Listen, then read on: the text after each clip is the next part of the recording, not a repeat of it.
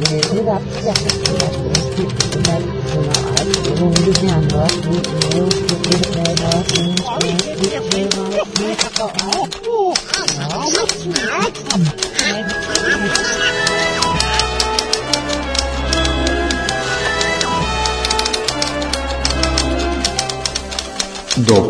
из Диснейленда. Тишина тому. Ніщо мені смешно. та да Dobro veče, dobar dan, dobro jutro, dragi naši ljudi. Ovaj, ako da, li je, iko, da li je iko očekivao da ćemo se vratiti, da li smo ikome nedostajali, da li... Da li iko postoji još kroz da li... za nas? jo, pošto gledamo ovaj Westworld, eh, da li je iko stvaran, ko je ovdje stvaran, da li nije stvaran. U, ja sam počeo. E, bravo. Ja sam došao, danas sam ogledao šestu epizodu. Bio dobar si i mislim da se sad otprilike tu se negdje kuva, imali su ona pa, neki... Pa, ali, ne apropo slow. kuva, viš, koja je epizoda kad je išla serija redovno, gdje ste svi vi koji ste kukali kako se ništa ne dešava u prvim epizodama, rekli, u, napokon se nešto desilo. šesta ili sedma? sedma, osma možda čak. Ja mislim da ste već na šestoj bili je dešava Pa dobro, ajde ne. Ja moram da, da kažem, meni je od početka super i od početka mi se svi likovi sviđaju, uh, svi ova, mislim sviđaju mi se likovi u smislu ne volim lika, nego dobro su izgrađeni likovi, dobro su odglumljeni i tenzija se lepo gradi. Ne, gluma je boli glava. Ima par likova koji su mi onaj kako se on zove Jimmy Simpson ili onaj sa mišijom facom Will Will Vila što glumi Viljema. Onaj što se, što se kreće da se druži sa Dolores. E... se zove, a ne mislim, ne znam kako se glazuje. A, glumac. onaj Dobrica iz onog para, Dobri iz Tako je. Šta, on ti se ne sviđa? Pa on mi je nešto... viš, on je meni super, meni je njegov drugar, princ, ne, on, princ on, Kaspijan, inače, on On On, je ono, kad ga, kad ga oni kad, kad upadne u onu nevolju gdje ovaj neće mu pomogne mhm. dobri, mi je super što neće mu pomogne. ne znam, ja ga, ja znam iz House of Cards, tu je glumio nekog, tu je glumio nekog eh, hakera, ne, pa nešto mi je, on mi je...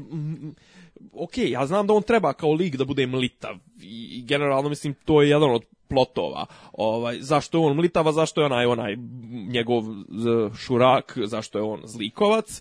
Ovaj, ali nešto, i druga stvar, znaš šta mi je, pogotovo u prvih 6, 7, 8 epizoda, nekako su mi interakcije likova, mi, nema mi parova, nema mi nešto hemije među likovima, znaš gdje ima jedino, recimo, hemije ima između ovoga Bernarda i Dolores ovaj njih dvoje mi imaju nešto ovo ostalo sve mi nešto nekakvi su kako da kažem ima nešto, nešto, nešto malo hemije ima između ove, kako se nazove, Elsie, što je Raising mhm. Hope i, i ovog brata od, brata od, od Tora.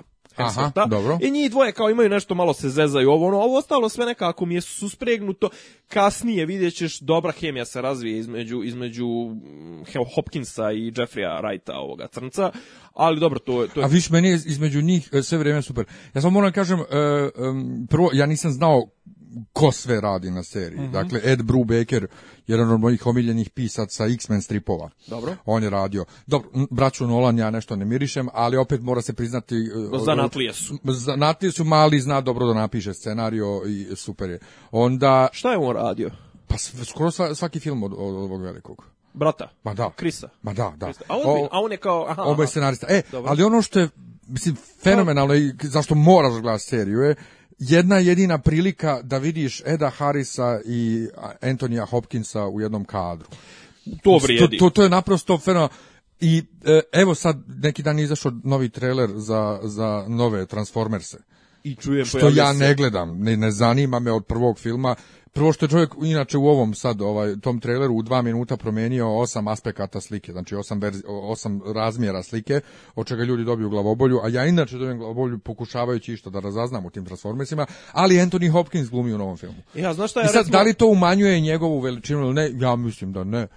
Čovjek došao da zaradi pare. Od kako se prešlo na ovo digitalno emitovanje slike, i recimo u zadnje, posljednje, zadnje kako hoćeš, u, posljednje vrijeme recimo Transformers se i tu franšizu vrti uh, prava na njihovo emtovanje na domaćim televizijama, ima antena, to je ova grupa prva i B92.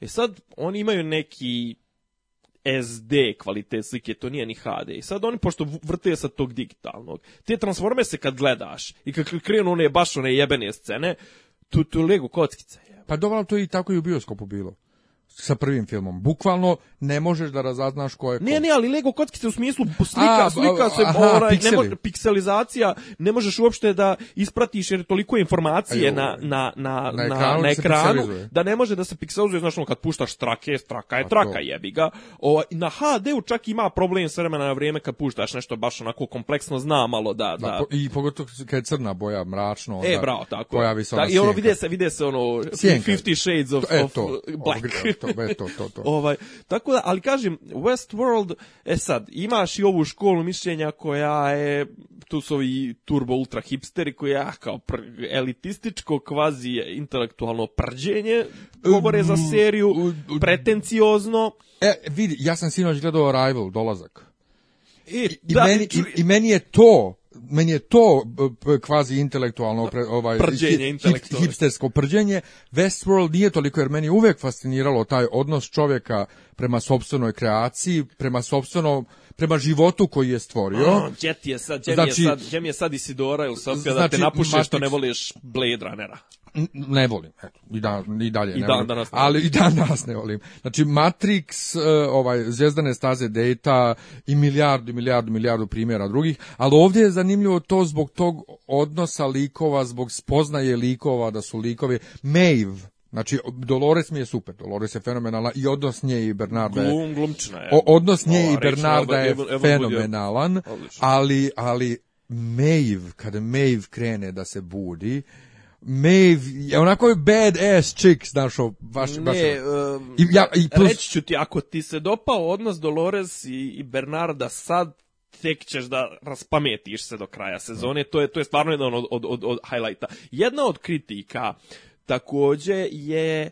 E, da li je to sve moglo da se zbomba u neku lepu miniseriju od jedno 4 sata, ne. 4 sata i to ima nekog, recimo mene u prvih par epizoda ali valjda je to što da ti to nametnu kao, kao osjećaj te repetitivnosti, znaš, ono, to, mislim, Dolores se budi i priča priču, priču, e, isto se pozdravlja s ocem, on istu kafu pije, uh, e, Miv se isto, ne znam, ono, priča sa onim svojim prostitutkama, dešavaju se ista sranja, upucavaju se isti ljudi, kotrlja se ista konzerva, pa kao dobro skapirali smo, oni žive u danu mrmota i okej, okay, znaš, ali ti gličevi koji se pojavljuju e, su, jel, jel jedna od poenti serije, kažem, to je jedna jedna od linija kritika. Druga linija kritika je, mislim, to proseravanje klasično za, kao, za koga je ovo namijenjeno. iskreno rečeno, bile su neke teorije po internetu, ja ih sad neću iznositi, koje su išle paralelno sa, sa razvitkom serije ispostavilo se da su, da su ljudi pogodili, ali realno ova serija ima dobar replay value. Uh, vidjet ćeš kad odgledaš komplet sezonu, ja sad imam ponovo želju da iz početka pogledam svaku, svaku epizodu na novo da vidim šta sam, jer kažem ti kad se slegne priča, kad se slegnu neki, neke cake koji su oni koristili ovaj pripovjedačke, tražit će se još. Ima recimo tih ono easter eggs kao Uh, ne znam u kojoj, baš tako negdje šesta, sedma epizoda, duše tebi to ne znači ništa, pojavit će se u jednom momentu negdje u, onim prostorijama gdje oni njih ono popravljaju, na, ono, stvaraju, pojavi se silueta Jula Vrinera iz filma to, da, iz da, Iz filma Westworld, isto crni šešir, ovaj, kako se zove, plava košulja, njegova, znači, ono, silueta, i sad, znači, on stalno se podba, imaš i ono aspekt koji s time, rekao, u porukama, sa muzikom, sa, muzikom, da. sa tim, jel bilo, pa ne, pa jel čujem, bilo, ja sam čuo Painted Black, jedino sam Painted Black prepozno. Ima Black Hole Sun od, od, znaš tu stvar. Pa, očigledno ne znam čim Black sam prepoznao. Black Hole Sun, won't you come od, 90 bio najpopularniji eh, spot 94. 5. na... Jao, sad mi je stao mi je mozak pjevač te grupe kas kasni Chris Cornell bre u, u Audio slave bio, a kako on se zovu... Nisu Soundgarden... Nego Sound... Smashing Pumpkins. Ma Ne? Ne, jok. Sound... Eh, Soundgarden Ne, Soundgarden, jes? Jesu li? Jesu Soundgarden. Black Hole Sun. On je, znaš, onaj, onaj spot sa onim svim, onim, onim fake Photoshop kezovima, onim. Moguće. E, ima recimo u jednom trenutku isto genijalno, kad se ovaj kako zove, eh, Amy Winehouse i ono Black, eh, Back to Black. Da jebek Pa nisam ja kažem ja sam prepoznao. To je neka, to je odma neka. Jer je meni Painted Black, meni Black super zbog ovaj kebe. Pa zbog teme, zbog mračne, zbog mračne. Zbog kebe. Keb, ma kakav kebe.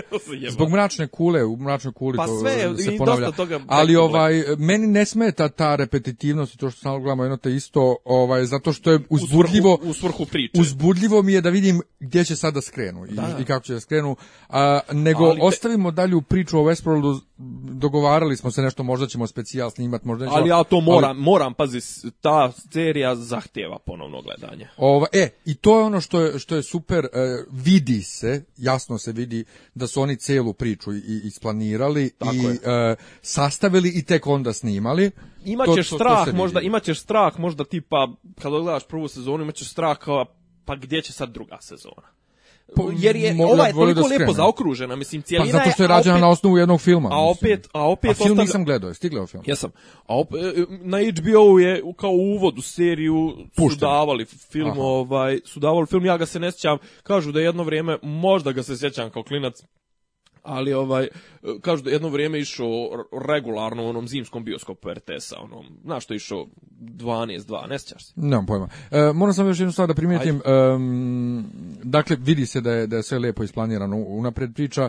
E, Nismo spojlovali plaši ništa. Plaši me, plaši me, mislim e, morao sam na par mjesta, ja sam kao dijete volio horror filmove da gledam i kad Freddy načini da nekom eksplodira glava, sam mi je to super, ali sad sve to toliko realistično izgleda da ja kroz prste bukvalno gledam, kad, kad Maeve recimo sama sebi zarije nož u stomak i slično, ne, ne, ne, mogu ja to da gledam, ovaj, i plus eh, onaj eh, isti osjećaj kao kad gledaš hostel film, šta je ljudima zabava? Znači zabava da idu okolo i da, da ubijaju, siluju i kolju. Uvijek veći horor nego pa nego to, to, to. nego ovaj splatter ovo. Pa to baš mi baš, baš mi je to mi to mi je strašno da se vraćamo stalno na to da ljudi jednostavno vole da muče i ubijaju priroda, Priroda priroda čovjeka ta sadističko zla priroda čovjeka koja ga razdvaja od od ostatka životinskog carstva. Ja sam trekao da sam našao novi omiljeni kanal na TV. Ne.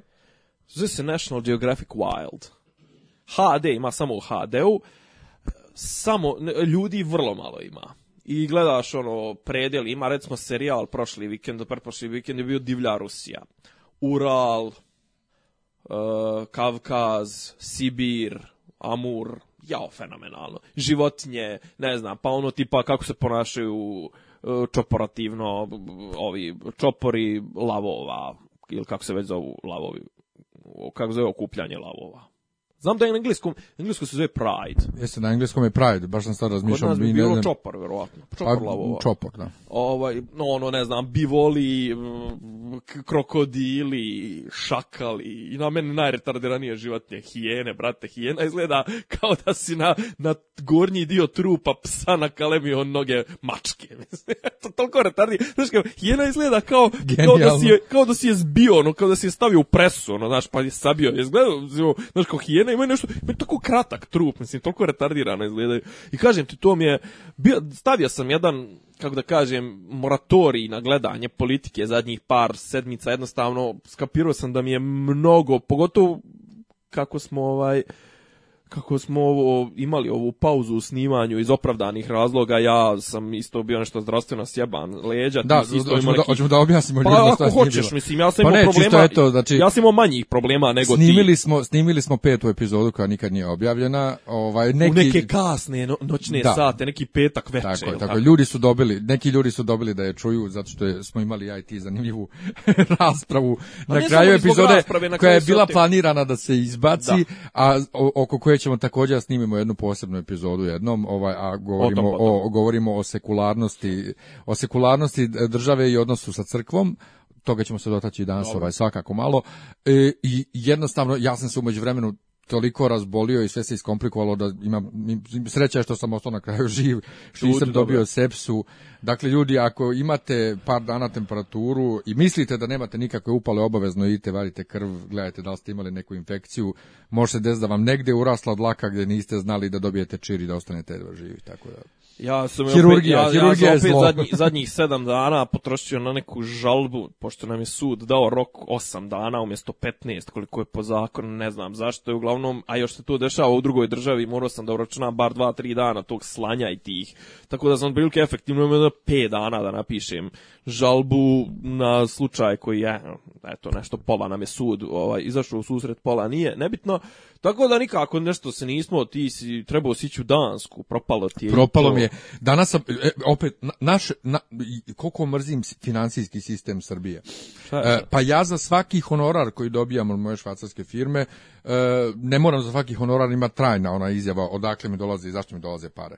Ali bukvalno za bilo koje pare iz inostranstva koje ti dolaze na račun, ti moraš da pravdaš zašto ti dolaze. Kao fizičko lice. Da. Uje. Zašto ti dolazi? ja imam za firmu, ja imam za firmu, ali svaki put ja sam, e, mislim, ja sam imao karte za Dansku za prošli vikend za vize Air do Malmea, a onda njihovom, e, njihovom sestrinskom ovaj, kompanijom autobuskom Neptun Bus e, Malme Kopenhagen. Mislim, a to je inače 17 km, tako? Pa to je pa samo most ima između. Ne znam, ali imaš organizovan autobus sa aerodroma, sa aerodroma do... Okay. Mislim, aerodrom nije sigurno baš u centru grada. Ne, ali to se, to se računa bukvalno Malme, Malme Kopenhagen je prigradska vožnja. Pa dobro jeste, ali svejedno, autobus ima organizovan... kako se zove, jel se zove Utoja, kako se zove onaj most? Jebeni ne, most. Dam pojma. Nije, most, seriju? Ne, ne, ne, nisam se bavio ovaj, tim dijelom Švedske uopšte. I sve u svemu, ja sam Viz Airu, znači, koji je low cost kompanija koja ti ništa ne garantuje, ništa ti neće vratiti, a sam čuo da možda dobiješ možda neke poene za sljedeće putovanje, ovaj, javio na vrijeme 5 6 dana unaprijed i dobio od njih on automatski odgovor da će mi se neko javiti da pošaljem medicinsku dokumentaciju jer ima dio tamo za complaints kao e, otkazivanje zbog bolesti. Evo i danas dan mi se niko nije javio, a telefon me uredno obavještavao kad bi letovi, a ta autobuska kompanija E, mi je odobrila znači od 200 danskih kruna koje koliko sam platio ovaj kako se putovanje njima na, do Kopenhagena i nazad na aerodrom 150 e, su mi vratili to je 15 evra I danas mi stiglo to na račun, pošto su mi preko računa vratili, iako sam ja platio karticom i PayPalom, znači oni su išli ručno i stiže mi poruka od banke da moram da pravdam sredstva, kakav sam ja posao za njih radio, da oni meni sad plaćaju, odnosno pro fakturu da im dostavim. Ono. I ja prvo nazovem, nazovem i ono, oni meni kažu pa morate izjavu da napišete, ovo imate kod nas tamo kao onaj formular.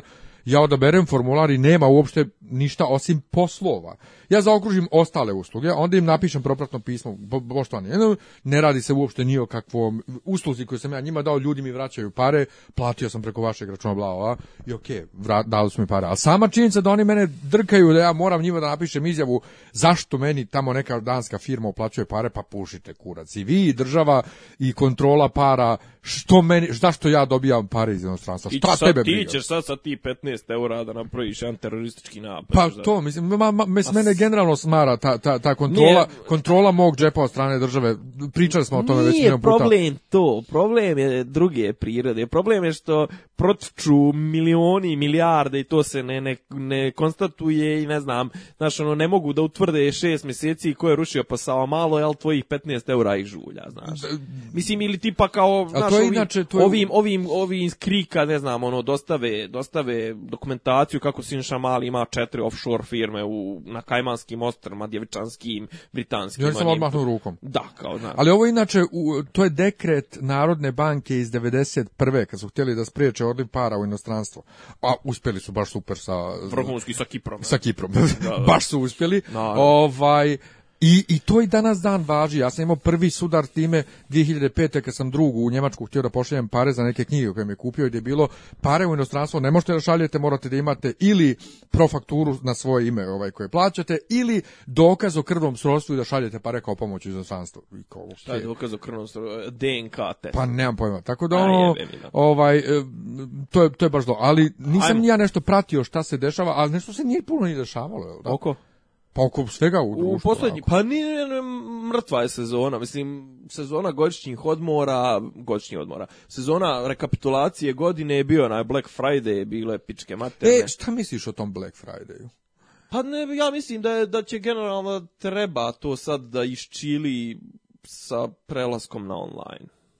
Druga stvar... Ne, ali online isto. Znaš, druga ja stvar, sam od Amazona, od Media Marta dobio mailove, spremite se Black Friday, popusti bla, bla, bla. A dobro, ja sam kupovao neke igrice na Steamu, ovaj, onom, onoj online platformi za... Za Black Friday. Da, pa da, ali mislim, valjda je to, to je fora valjda ovih eh, kompanija da, da, da tad stvore hype. Pa da, da, da. da. Znaš, i onda, mislim, vjerovatno neće, e, govorim, govorim o onom aspektu one tučnjave. Na to sam mislio valjda će da iščili ono, tipa kad se ljudi maršu. Sjećaš, jes gledao epizod South Parka? E, nisam, ne, ne gledam South Parka, ali znam, gledao sam na YouTube-u pa To je ono winner, winner, winner iz, te, iz tog serijala i to je kao trodijelna epizoda i odatle kao ovaj ta trodijelna epizoda jedno se, jedan aspekt se bavi tim Black Friday i kako se on pripremaju kao za osudnu bitku kao kod Helm's Deepa, kao znaš, ovi, isto, obezbeđenje tog mola. Druga je da treba da otvori uh, Martin, taj Black Friday i zapravo kao, a ni on neće da I treća je kao, da li je bolji Nintendo Wii ili, ne, da li je bolji Sony, Sony X, ovaj, PlayStation ili Xbox. Ovaj, uglavnom, kažem, ne znam, meni je to neukusno. Prvo, ja, da mi daš eh, popust od 99% na televizor, ali da ja moram da se tučem sa nekim debelim ljudima, ne znam, nija... Sjećaš se, kod nas je to bilo na onim otvaranjima, onim... Znaš da su bile one tuče uh, e, how, bilo je, hound bilo, da. bilo je ovako, ne, ne, bilo je... E, bilo je ka, na, na kad je, otvaran, kad je otvaran Merkator novi, Jel da? Merkator novi kad je otvaran, bilo je, bio je haos i polomili su čak ove pločice na, ovaj, tamo na podu. E, ja bilo, je, bilo je kad su dijeljene japanske otvoru... trešnje. Dobro. U, to, to mi je jedna od najsramotnijih epizoda e, u, u istoriji da. Srbalja. E, za H&M nije bila tuča, ali bio je ogroman red cijeli da. dan. Ali bila je negdje tuča, me recimo, kako se zvala ona, kako zove oni što imaju one naranđaste, jel to tempo neki kad je bio svoje vremeno. E, metro misliš možda? Ne, metro ima ono na kartice, kod njih je zajebano ući, oni moraš... Nije, ono sad, i... sad Pa sad možeš, ali prije bilo. Ove, ne, bilo recimo neki tempo ili tako nešto, bilo isto, ono, znam da su ljudi nešto u kolicima gurali.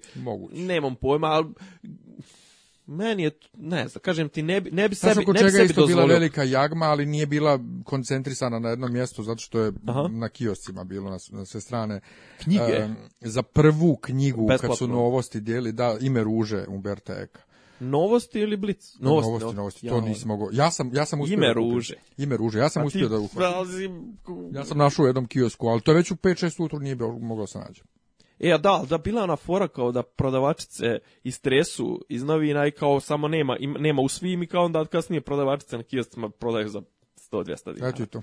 Mislim. Vrh. E, ali kažem, ja sam se u zadnje vrijeme, navodio sam se na, na, navodio sam se, sve više stvari kupujem online, stiglo mi je, pošto sam umeđu vremenu pustio neke ovaj, brčine, ovaj, stiglo mi je vosak za brkove preko ha? neta da mislim sad nisam stavio to sve, ali ne može brate, pazi, ja moram, ne mogu da iskontrolišem. ček, ja sam se juče ošišao i obrio, to je inače kod mene jedan od glavnih znakova da mi je bolje, kad ošišam bradu i ošišam kosu, i, ali imao sam onu bradurinu, onu didu, tako, mm dlake preko usta, i gdje kad jedeš umastiš se, i gdje svaka dlaka tjera svoja. A čemu ja. služi vosak da, da, da, složi? Za brkove, za pa ne, tipa, ako ti štrče naprijed, pa da, ih, da ih Pa to znači da dovede dlake sve u red. Tako, ne, za bradu vosak se ne koristi za bradu. Jer brada generalno ima svoje padanje, težinu, vosak se uglavnom koristi za krajeve brkova, baš ono, ako ti štrče, ili ako ali ima neko, ima nešto balzam, za... ima balzam. Ono da bukvalno da ide svaka dlaka na svoju stranu. Ima, nego. ima balzam. Balzam i imaš kao dobiješ malo ali češljić. Da. Viš, kin, Ove... Ovaj. Kidnapujemo emisiju o brkovima i pa pravdi. A kidnapujemo od koga? od teme. Šta je bila tema uopšte? Tema Black Friday. Pa dakle, ne, histerija ljudska. Da, to kažem, on, online vidio sam čak, ne znam, ovaj, sve nešto se... Bio sam u jednom trenutku zatego da kupim nešto sa AliExpressa, ali srećom u tom trenutku nisam imao dovoljno sredstava. E, a sam bio sam, bio sam na ekspozimu tebe to ne interesuje vjerojatno ič, ali... Šta je ekspozim? Ekspozim je uh, sajam zimske opreme. Ski opreme, skijaške, ovo ono, i to traje četiri dana i dođu i prekupci, i nakupci, i dođu i profi firme, znači mogao si tipa za rosinjolove skije, koje su inače 70-80 ljada, mogao da ih uzmeš za 20-30 ljada, ja sam uzeo isto nešto ono upala cijene, međutim, šta mi je utisak toga? Probao sam, e, Njemačka, Njemačko, Njema, Njemci, Njemci, zi Germans, kad naprave proizvod, to je kevu. Probao sam one masažne fotelje. Fotelje? Jebem ti sunce, ti jebem. Znači, ona je neka, zove se nešto zero gravity, ono ti sjedneš u nju, ona te iskenira, onda te zabaci nešto u taj neki, staviš i ruke, izuješ se i sve, pa te pritišće, pa te lupka, pa te pipka, Aha. pa te čačka, deset minuta, Znači, što je najgore, Zema je neki naš iz Novog Sada prodavao neki krajišnik i onda je on, ajde balans sjedio Čekaj, to ono prava velika ona? 4.500 eura košta. Ne, ali velika ona. Velika, ono, da, full, mm. e, Imaš, znači, ali, ali stavljaš ovako sa strane, mhm. stavljaš ruke u neke džepove. Sve, znači, ona te... Ma, ima i ona sranja, ona, mogu ti reći, nije loše, ni ono, ona dva, ona kao rotaciona. Ona, pa znam, sjedio sam ja u jednoj takvoj, ali kra, ovo... u Kragujevcu, i ono zvuke koje ispuštaš nevoljno mislim nehotice tom to je ono... ja, ja sam mislio kao tipa ne može ništa da te zamijeni ono ljudski Ne ne ne te stolice to, je čudo ali imam jednu drugu tajnu za tebe mnogo jeftiniju 70 80 evra možda prođeš e, ono kao pa postava sam ti ono kao postava ne ne ne kao postava sjedi, za sjedište u kolima Da znači bukvalno staviš na kauč Aha. uključiš u struju i to ima milijardu funkcija uh, ovog se, leđa isto ti ide do gore do vrata smatra da to se, to se, e, e, to se Oko, da li da uzmem to ili da uzmem onu, one kao što ima dvije glave, one šijacu kao... Ne, ne, ne, pa imaš i ovo sa tim, znači gore Aha. do vrata i ti se nasloniš i onda ti... Put, I, da, i onda ti ide dole od donjeg dijela kičme do gore se, ima razne ovaj, funkcije. Moja drugarca u Stuttgartu ima i ja sam milion puta htio da kupim znači brate 70 80 na Amazonu, ali veliko je kako da spakujem u kofer, razumeš? Moram nju da nagovorim jednom kad bude dozla kolima da mi donese. Da, donese dva staviš, komada. Bukvalno staviš na fotelju, sjedneš na to, znaš kako to masira. Ne može naravno da se poredi sa foteljom tom velikom. A više me nikad recimo nije palo na pamet u tržnim centrima ima toga da sjednem tako. Ne, nije, to ta, Zato, nije to ta klasa. E, pa i, i ove su super, to su one baš velike, ali meni nekako sve. to previše intimno, ovaj, pošto uživaš u tome i sada me neko gleda kako ja sad tu. Ne, ali dobro, ja generalno kad idem, kad idem na masaž, to idem zato što ima neki težak problem, ono tipa se ukočim i to i onda generalno ja idem, ja ne idem kod masera, idem kod fizioterapeuta koji mi se najebu majke majčne, znači to oči spadaju, ali jeb ga tako mora nego hoćemo li preći na konkretne događaje. Šta smo rekli, nije ništa bilo, kažem, kraje godine, budžeti se usvajaju, eto to je sad cirkus Ali Vučić je nešto putovo i putovo i putovo, i bio je ono u Kini, e, ne, ki, sa Kinezima je bio I non stop Je pričao, I non stop je pričao o budžetu, kako će sutra, će danas će, kako skraćuje on ministarstvima koja mu šalju prevelike budžete, on to skraćuje, vraća na doradu, ne može to toliko. Pa da, bacao, bacao u vatru, mislim u kamin. Ova, I onda je u skupštini bio stvarno haos oko, oko budžeta. Ja pazi, ja sam ustanovio jednu stvar. Nikad, ali nikad rasprava o budžetu. Rasprava o budžetu je jedno tehničko pitanje. Mislim, e, opozicija čeka raspravu o budžetu zato što ako se budžet ne usvoji, po automatizmu pada vlada. Nema šanse da se ovaj budžet ne usvoji, tako da je ovo jedno sviranje kurcu. Druga stvar, kao ajde budžet, znaš, kao svake godine odlučuje se gdje će pa, država da spička pare. Mislim, i to je opet formalnost jer, jer država može da mislim ovi što su na vlasti kogod je na vlasti nebitno vlast uvijek može da nađe neke načine da zaobiđe da piše rebalanse budžeta da ovo da ono tako da to kažem ti jedno tehničko pitanje koje čak često trebalo da bude suvoparno ok ti usmjeravaš lovu može se konstatovati može se pričati i diskutovati o tome da li ćeš usmjeriti više u vojsku policiju zdravstvo obrazovanje E, ne znam, školstvo, ovaj, kako zove, prosvjeta, kultura, znaš, ono, mislim, u nekim generalnim smjernicama. Ove godine i ovaj naš budžet po svim nekim najavama iće više za vojsku, e, za policiju, e, iće, ne znam, više za kulturu, manje za zdravstvo, bla, bla, bla, nebitno, znaš, kao, kažem ti, to su sad neka pitanja, jesu ono suštinskog značaja, ali ništa oko čega bi se sad pravila neka drama. Međutim, nijedne godine od kad ja gledam, pratim politiku, pratim skupštine, to o rasprava o budžetu koja bi trebala da bude rasprava o ciframa, to nije bila toliko banalizovana i vulgarizovana i spuštena na jedan nivo, nikad se u budžetu nikad se na raspravi u budžetu nije pričalo o tome da li je neko platio kolač u skupštinskom restoranu. Ne, e, odvratno je, ali, ali e, ja sam uhvatio na dio, kad se pričao o tome što je Boško Obradović pričao, pa sam ja uključio mhm. uživo, uhvatio sam dio svađe između Vučića i cijelog bloka DJB, i oni se veze ponašaju. Oni su donijeli, oni su donijeli odštampano na papirima govornik vrijeđa, krši poslovnik, ta, da. krši poslovnik ili govornik laže, ne znam ja i Pinokio. E, Radulović koji stoji i drži sliku Pinokija.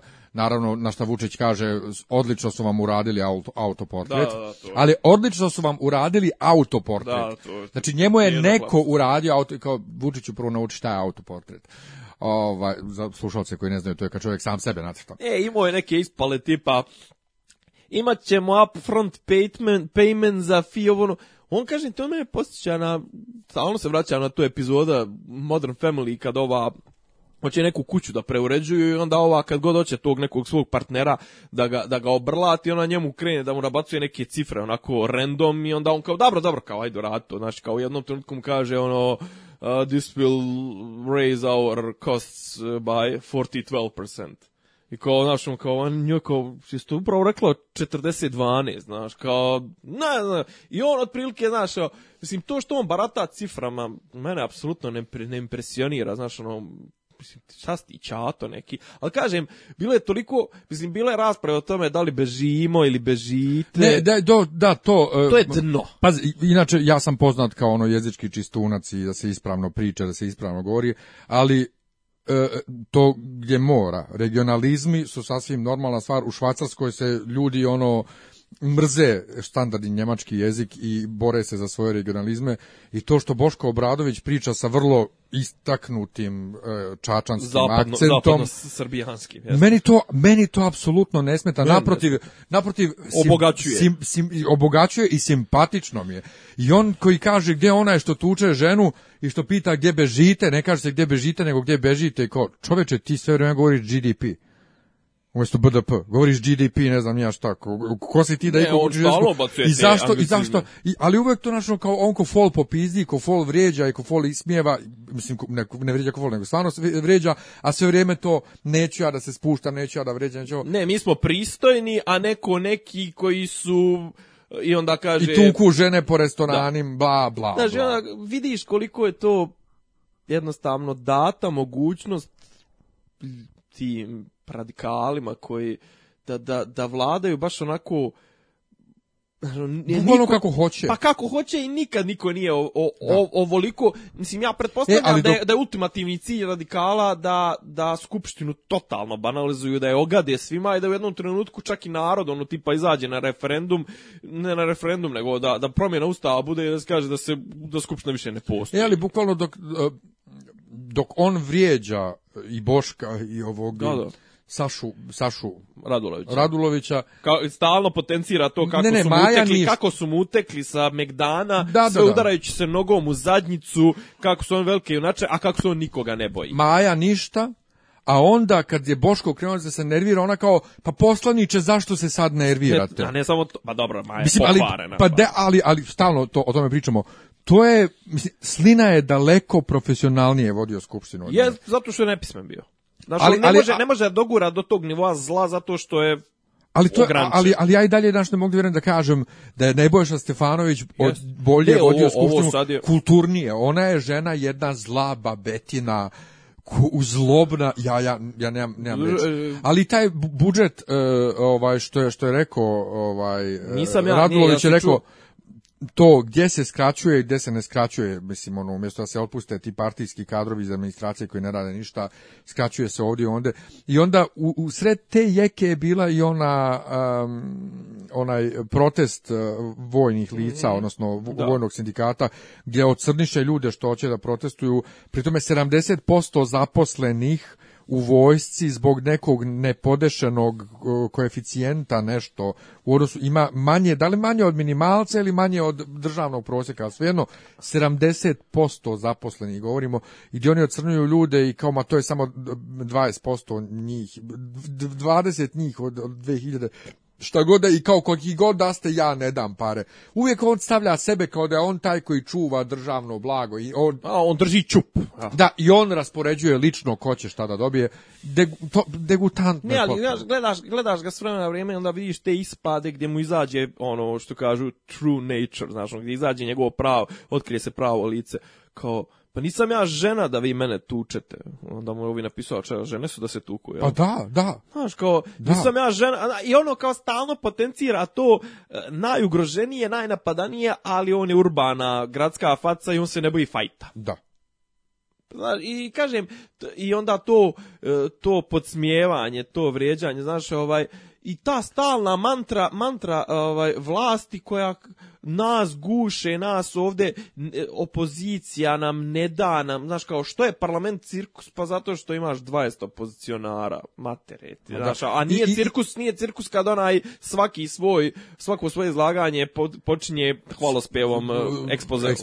I na to kad se doda još mogućnost da sljedeće godine bude ponovo izbori za parlament, još Toma kaže to je dobro, treba češće u tranzicionom periodu provjeravati volju naroda, Ovaj, čekaj, ali šta I on koji stalno mantra, ne možete mi ništa, pobijete me na izborima. ali šta, se, šta se to desilo? Čekaj, nova vlada je formirana u septembru, je li tako? Da. Šta, se, šta je to nova vlada i to je novi saziv skupštine, šta je to epohalno reformski donio da treba se provjerava volja volja birača. Ne znam, ne znam, druga stvar, ti, time, ok, većina si, ali ti time namećeš e, namećeš e, izbornu, znaš, prekrajaš izbornu volju i ljudi koji nisu glasali za tebe. Ipak je taj Boško, kakav god da je idiot, on je osvojio 200.000 glasova radikal su osvojili 300.000, iako su radikali govna. E da, on je ponovo osporio njima pravo da budu u skupštini, rekavši samo sljedeći put... Morat ćete više da kradite. Tih ukradeni glas, sljedeći put će imati desetine hiljada glasova koje će im faliti, pa neće možda uđu u skupštinu. I onda kao imaš ti recimo DJB koji isto osvoje 200.000 glasova, imaš e, demokratsku stranku koja je osvojila još neki 220, 250, ne mogu tačno da se sjetim. Šti ljudi koji izglasali za te, za te, za te stranke, oni ne, žele nove izbore. Druga stvar, ima nešto što se zove stabilnost države je. Ali ne, on zna da, da bilo ko, ako on ne bude noseće lice te kampanje, jer trenutno u narodu je Vučić Vučić. Mislim, nije Toma Toma, niti je Mali Mali, niti... Znaš, svi ostali su nebitni, jer, jer ih je on načinio nebitnim. Znaš, on, on govori, hm, hoću predsjednika koji ne zvoca da, nipošto kohabitacija. Prijatelju, on bi inače predsjednik bi zvocao i ne bi ništa morao da radi. Imao bi, imao bi sva prava da zvoca, a ne bi imao nikakve odgovornosti. Ko, ha? Znaš, i onda kao, mislim, ima, toliko su, ima, znaš, toliko su, toliko je to ono, populizam, ona demagogija. Ne, sad Martinović, Martinović i ovaj, kako zove, konj ovaj, što je vrijeđao, što je koristio djecu bolesnu, Rističević. Da. Uh, sad im je najnovija inicijativa im je da se smanji e, plata Šabiću i Jankoviću. Da. Ali ne i Jorgovanki. Da. Da, da. Inače... E, a Jorgovanka ima duplo veću platu od njih dvojice. Njih dvojice imaju negdje po 3000 eura, a Jorgovanka ima 6000 eura. Da. Inače... E, tipa Martinović, on ima čovjek platu, on je predsjednik opštine Ruma.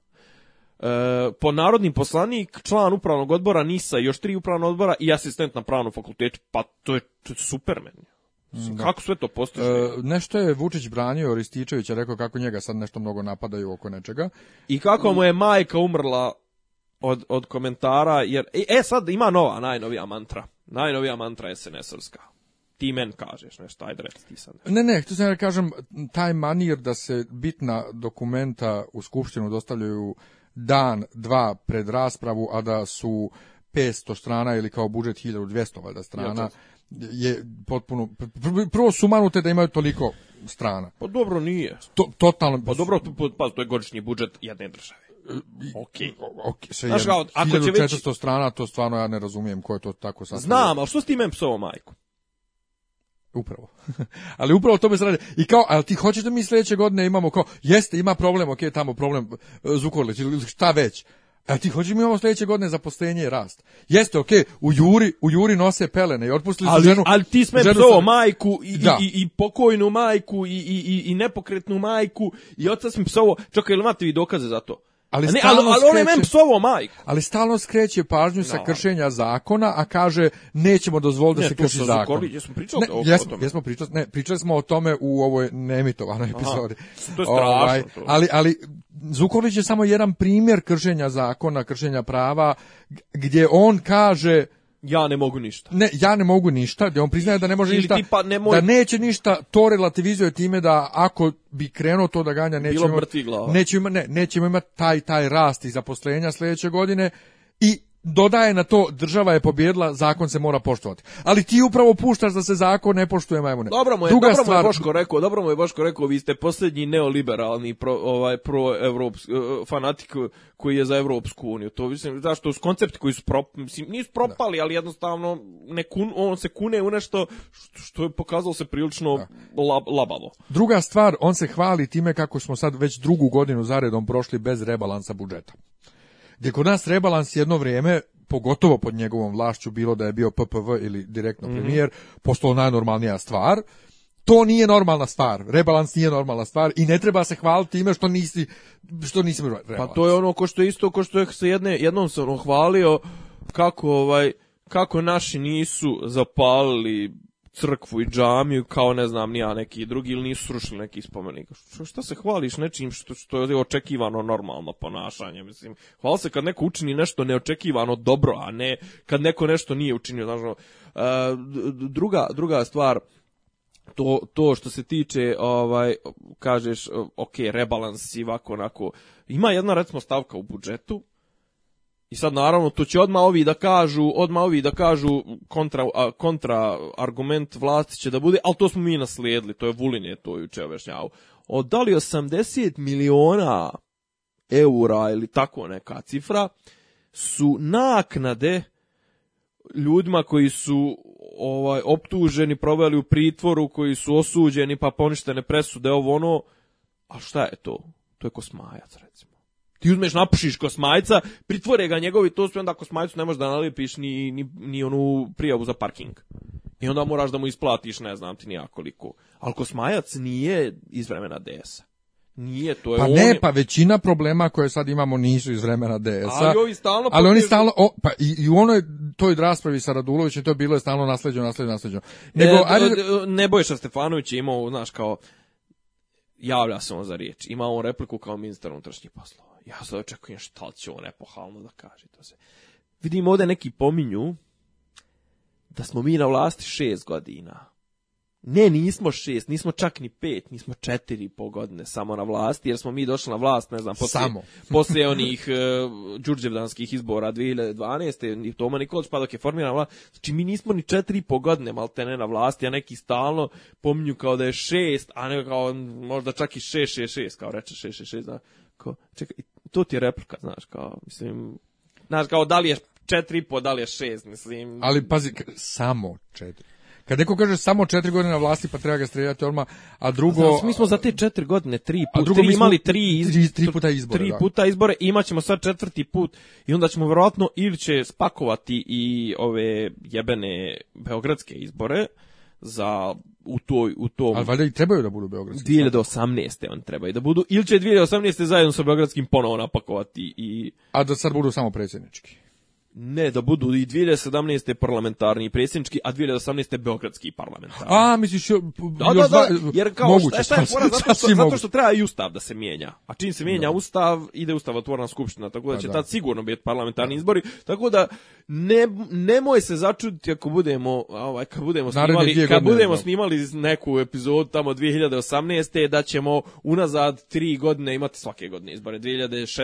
17. I da ćemo 18. među vremenu glasa za dveri. Znači, što je meni najveći poraz moj lični politički da ja počinjem zbog, zbog ovih zala da podržavam Pa ne, ali kad gledaš ko su, ko su, ko je opozicija e, radikali koji se blamiraju onako maksimalno, nešto se trse, znaš ono kao, oni su otprilike ono, eto jebal bi se da im ne uđe, imaš ove koji su otvoreno provlad, mislim nije otvoreno, ali ono tipa ne iskoristi, ne pa, Čeda Jovanović pa samo što ne viri iz Pa ne propušta ni ono. jednu priliku da pohvali reformski kurs vlade kako su on genijalni čanak koji nešto priča. Znaš, gledaš ljude koji ono kao, on bi sad nešto da glumi neku opoziciju, ali je to toliko abstraktno, toliko je to, znaš, ono, ajde da pričamo, ne znam, problemima vodo, vodotokova, morave. Pa ne, pričamo o suštinskim problemima. Nego, e, rekao si malo prije spomenik, e, aktuelna tema, mhm. e, spomenik u Jasenovcu. Pa nisam, ja sam upratio sam, ali iskreno rečeno mjesto, toliko su mi to morbidne. Pa ne, Hrvati toliko, toliko su oni vuku jedno te isto da je... Ne, ali držat ćemo se kratko toga, ovaj, zato što je, upravo zato što je morbidno i što samo dodaje na opšte balkansko ludilo koje trenutno proživljavamo a ja ne mogu da vjerujem da samo 20 godina poslije rata proživljavamo ovakvo ludilo, a to je dakle e, u blizini spomen ovaj obilježja Jasenovac, znači oni tamo kažu Jasenovac, inače ne Jasenovac, e, na zgradi e, obdaništa hrvatski veterani udruženja iz Jasenovca i Zagreba ovaj, otkrili su ploču za 11 poginulih hrvatskih boraca iz ratova 90-ih, dakle mm -hmm. iz 91 mhm ovaj na kojoj ima uklesan i ovaj parola ona ustaška za dom spremni. Dobro. To je prisustvovala eh, Marija Mačković, ja mislim zove načelnica opštine Jasenovac, koja je rekla da ona ne vidi ništa sporno u tome. Ovaj u osnovnom nije to opština ovaj napravila nego ovi ovaj veterani. Kolinda kaže isto ona ne može da se miješa u rad ovih u rad e, lokalne samouprave, ali e, zna se njen stav o totalitarnim režimima i njihovim parolama i to mora zakonski da se reši i to je sve što je rekla. Totalitarni režim, to su i komunistički i narod. Ona je rekla o svim totalitarnim režimima, dakle ona se lijepo žena ogradila, ali ovaj ja ne razumijem šta se to trenutno dešava u Hrvatskoj, zašto i zašto tamo toliko ludilo počelo da vlada da li, mislim, da, da, da, li ja možda ne vidim kod nas da je isto takvo ludilo, kad se pričao po vampirenju 90-ih, ovaj, pa da je tamo kod njih se zapravo isto dešava, samo nama odavde i djeluje ekstremnije. Ne, dvije su razlike, dvije su razlike. Prvo, oni su pobjednici u ratu, realno, i onda oni, znaš, ono, šilje patku jebi ga.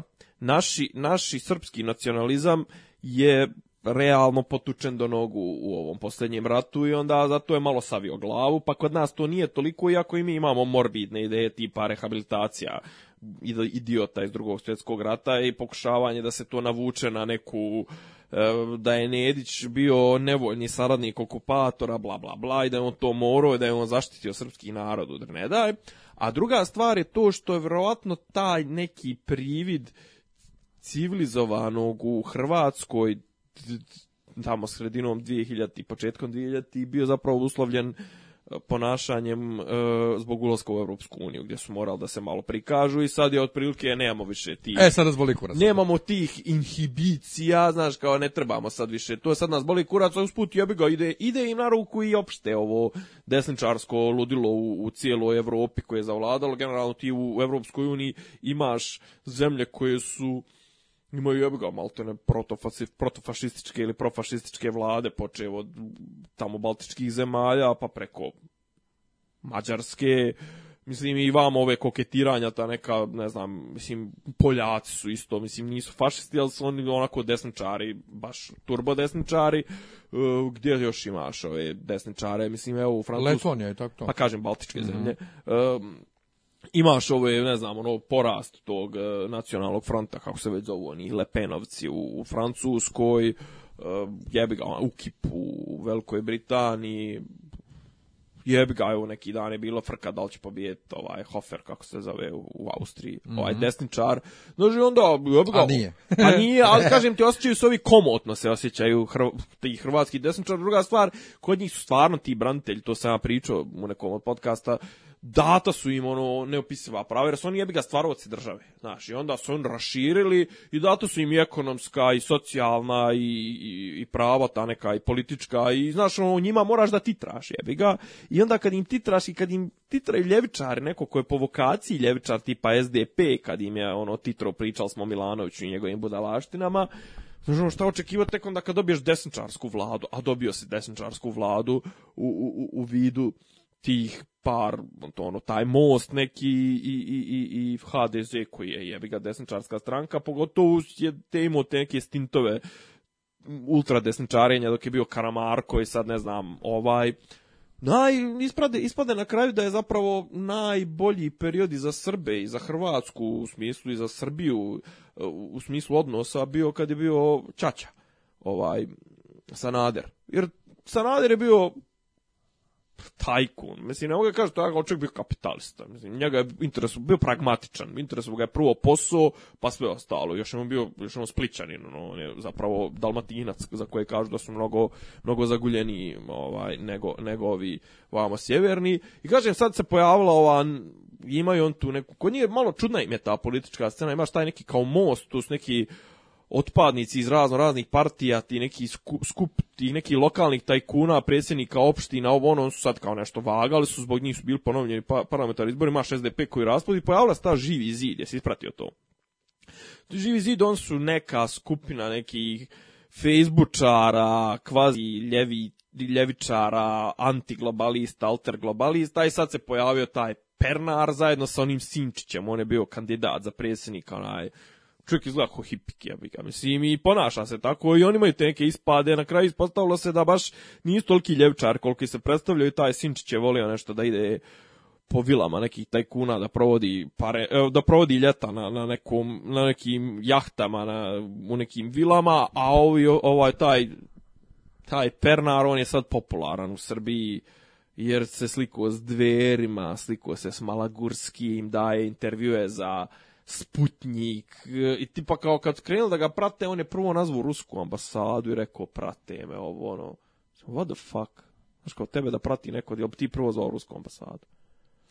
E, nešto sam se malo ovaj isključio, isključio se, ja tražim, tražim nešto pošto se danas digla velika frka ovaj u Hrvatskoj, mhm. Kolinda je podijelila paketiće djecu kojima su pionir čokolade. Evo kaže, ali je o njuzi odmah izbacio odgovor. Ljekari uspjelo spasti malog dječaka koji je proguto srpsku čokoladicu. Pri tome, pionir je izgleda isto u hrvatskom vlasništvu. Agrokor. Hrvatski, ja. Naš, kao što je Soko Štark. Da. naš da, I, tako da mi je to, totalno mi je fenomenalno. Ne znam, ko pravi, ko pravi se... medenjaki? Pionir. Ili Soko Štark? Pionir. pionir, pionir. Subotica. Mislim da je pionir. Pionir. Medena srca misliš? Ja, ja. Da. Ali totalno uh, sumanuto, dakle što ali dešava. ali ona je odmah izvinula, se i rekla neće se nikad više ponoviti. To ne, ali ja, ja ne, kakva drama je, Pa to ne razumijem, ali ovaj uh, da završimo sa hrvatskom Pernar i njegovo ovaj kvazi njegovo, ljevičarenje. Njegovo znači ono dobio je batine neki dan ispred ovaj, narodne kuhinje u Zagrebu, jer je htio da pokaže šta ljudi jedu i kako jedu i koliko je to skuplje nego u skupštinskom restoranu.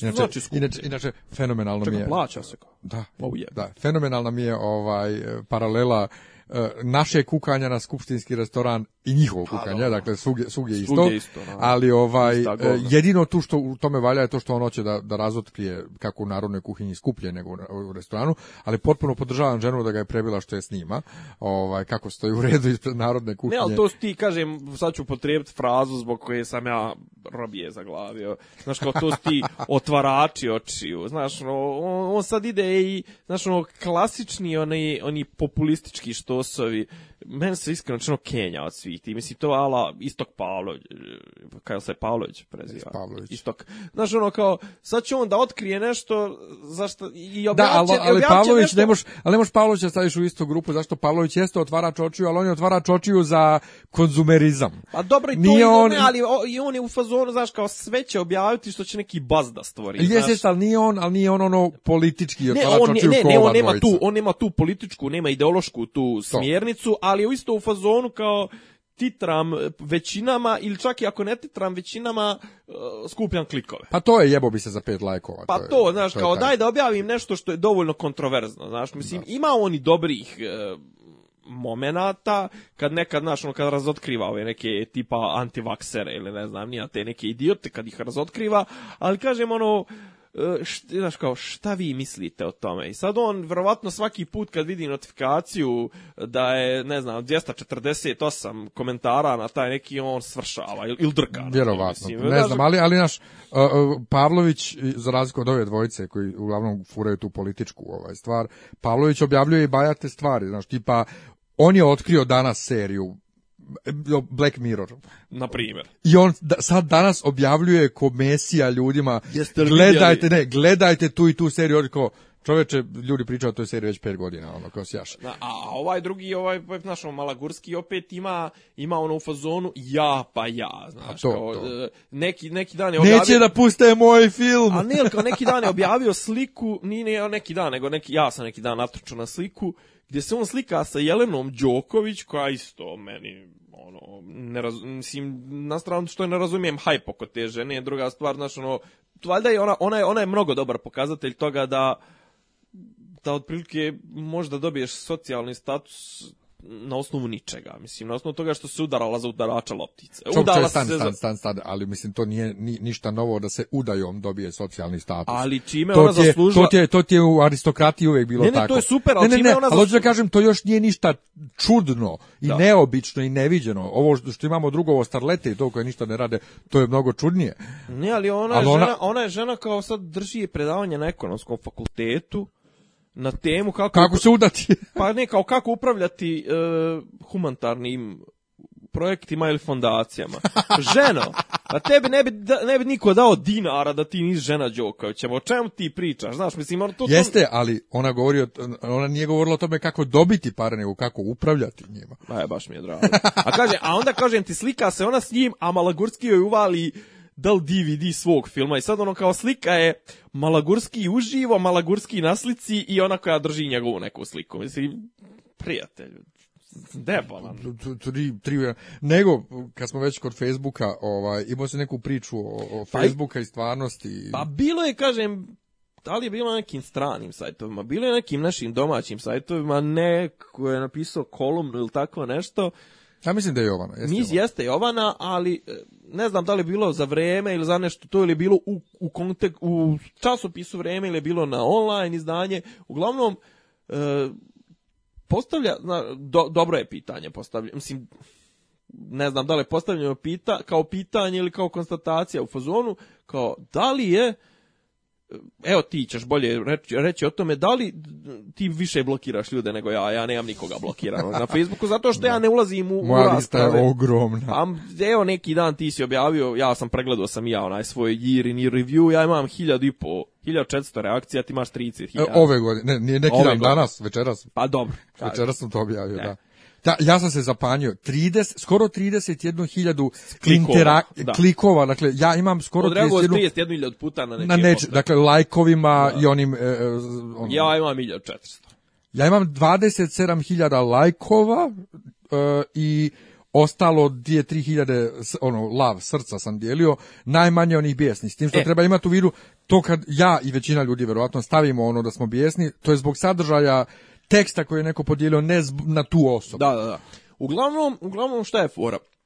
Što ti birajući sebi te sadržaje, usmjeravajući svoj news feed na, na eh, Facebooku, pazi, i ja s vremena vrijeme ljudi koji me nerviraju, neki zbog svojih političkih stavova, neki zbog svojih, ne znam, što su napadni, neki što su dosadni sa slikama svoje djece, kučića, mačića, pički materina, ja ih unfollowujem.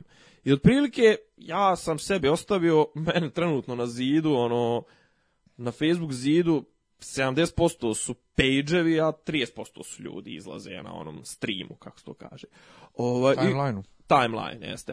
I uglavnom, kažem ti ja, tu je neka svjetska politika, domaća politika, ono, zanimljivosti neke zajebancije, par ono, ljudi pojava institucija koje ja pratim, tipa neki pjevači, ovo ono, i kažem ovi prijatelji, sad kažem ja prijatelje, čak i kad iznesu određene sadržaje, ja sam presto, ja sam prije jedno dvije godine sam baš kod, kod Jovane sam jedno vrijeme sam nešto komentarisao onako maksimalno i onda se pojave se pojave se ljudi koji krenu tako da, da drobe, mislim, čak koje ona drži i kasnije mi kaže, ne znam što ih drži, na to su neki libekovci ili nemam pojma, mislim, možda i zna kao, znaš, kao držim ja njih ono u fazonu, a kažem ti, ja sam onda krenuo da izbjegavam uopšte ta online komentarisanja, jer tu su ljudi mislim, i ja sam tvrdoglav i on su tvrdoglavi i ne dođemo na kraju ni do čega. Ja što se tiče komentara, ono, komentarsanje, uglavnom čak na nekim forumima, zato što tu nema toliko, kako ga kažem, brze interakcije. Ti ostaviš svoj post, pa kad ga ono ko pročita, pročita ga.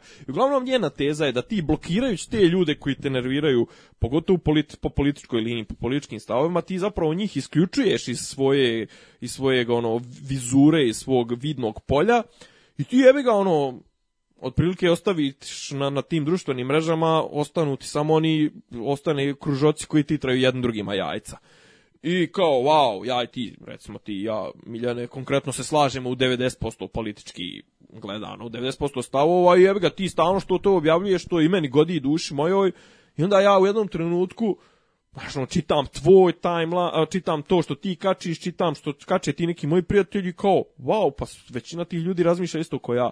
I onda kao odjađeš na izbore iskapiraš da je tako ko što ti razmišljaš i koliko što u tom pravcu glasalo 12%, 17% ljudi, a da je 80% ljudi glasalo za derivate SPS-a i radikala. I kao u fazonu, čekaj, jel ti znači ono, čekaj, ko su ti ljudi, odakle spojaše ti ljudi, ja nemam nikoga među prijateljima, znaš kao stalno ono, vrti se ta rečenica, ja nemam nikoga među prijateljima ko, glasa za SNS, ja nemam nikoga među prijateljima ko gleda reality, a ja nemam nikoga među prijateljima ko ne znam šta radi, ide na cecu, sluša ovo ono. I kao, skapiraš da Mislim, ja nisam takav, ali očigledno da su ti ljudi takvi, jer šta se desilo? Desilo se ono što se desilo u Americi. Trump je pobjedio kao, wow, znaš, ono, kažem ti, ja sam morao da se borim mislim, borim. U fazonu ja počeo slušam neke desničare i da tražim te neke desničarske sadržaje zato što su mi toliko nakurac išli ovi mediji koji su toliko promovisali Hillary kao u fazonu, čekajte ljudi, znaš, ono, i kao, pa jebote ja i ti smo ono komentarsali, ma kao nema šanse Hillary da pobjedi. I, na kraju, i da, da ne pobjedi, nema šanse Trump da pobjedi. I na kraju mu pobjedi. Znači, kažem onaj, da li mi to tim mogućnošću da, da to da to eliminišemo te, te neke neprijatne sadržaje, da li mi zapravo isključujemo sebe iz, iz cjeline svijeta, jer kaže da tipa recimo konkretno u Americi vidio sam negdje istraživanje da najmanje od kad se mjeri, od kako se to valorizuje, najmanje je bilo objektivnih medija što se tiče političkog političke orijentacije, što se tiče pristrasnost jednog kandidata od kad se meri od, ne znam, zadnjih 50 godina. Znači, Trump, za Trumpa je bilo nekih 17%, recimo tako nešto. Za najmanje nepristrasnih. Najmanje nepristrasnih. 60% je bilo pro Hillary, 17% pro Trumpa i oni ostatak 20, 20 posto je bilo kao nešto objektivno neutralno. E, ja mislim da je sve to glupost. Prvo, Koje? pa sve. Dobro. Cijeli taj stav. Zato što živjeli smo i bez ovaj društvenih mreža i medija i interneta i imali smo samo svoje društvo oko sebe. Nisi išao u kafanu da slušaš ta, tamo neko koga uopšte ne znaš priča i misli. Razumiješ? Na Facebooku imaš interakciju, pogotovo na tim popularnijim profilima kao što je Jovana, sa milijardu raznih ljudi koji nikad u životu nećeš srest i čije mišljenje objektivno i ne treba da te zanima. Tako ti nikad blokiraš, ti ne gubiš time ništa. Znaš, ono problem je, problem je više u tome što ti ljudi koji kažu ja nemam u mom okruženju nikog, što su oni u stvarnom životu asocijalni i ovaj e, učaureni. Do, doduše, ja ne mogu da se mjerim, zašto sam ja ekstrem, koji istovremeno slušamo Mozarta ide na koncert Jelene Karleuše, to sad nabacujemo onako bez veze, ali sam ja uvijek svjestan da sam ja u manjini, da sam ja sa svojim stavovima i moji prijatelji oko mene smo mi manjina i ne zavaravam se da se pitam a koji su to ljudi koji glasaju za Vučića.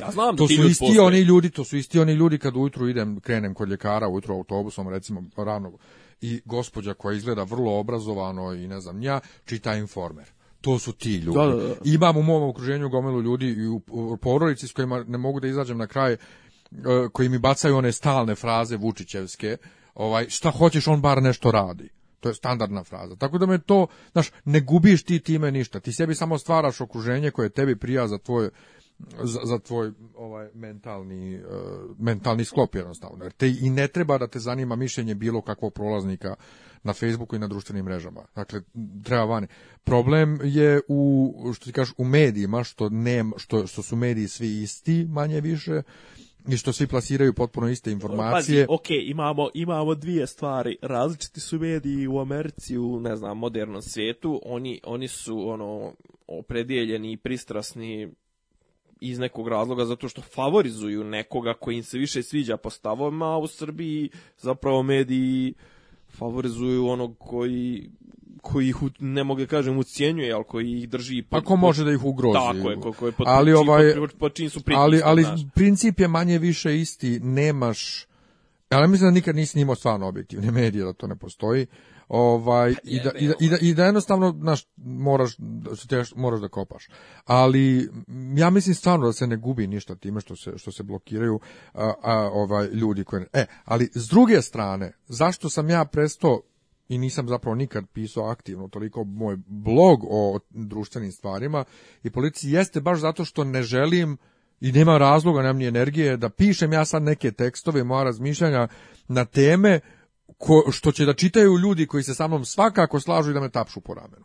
Što ti kaže circle jerk. Ne, nemamo toga ništa. Znači, uopšte, jer nećeš promijeniti mišljenje ovaj, tuđe e, čisto pisanjem teksta, ne znam, niti treba da uopšte mijenjaš svačije mišljenje. Svako, šta ćeš, jebi ga, on voli Vučića ili voli Trumpa ili koga već i to je to. Ali mislim da to, nema veze sa društvenim mrežama i da je to svakako uvijek bilo tako. Dakle, imaš svoj krug Jednostavno, zašto bi ti očekivao da ti poznaješ sve ljude i stav svih ljudi na osnovu svog kruga poznanika, na umpare mi sad totalno nevezano Um, na X faktoru britanskom u, neko, u nekoj rundi je trebalo da pjevaju neke pjesme koje imaju veze s nečim i onda je jedan od sudija tvrdio da to nema veze, ta pjesma koju je neki kandidat iz suprotničkog tabora pjevao, gdje da oni kažu, ma ne jeste, ali to iz tog, tog filma, to je to i to, on kaže, ja to nikad nisam čuo. Znači, na osnovu ja nikad nisam čuo, ti hoćeš da postaviš objektivnu stvarnost, ali, brate, ne, ne funkcioniše svijet tako. Ne funkcioniše.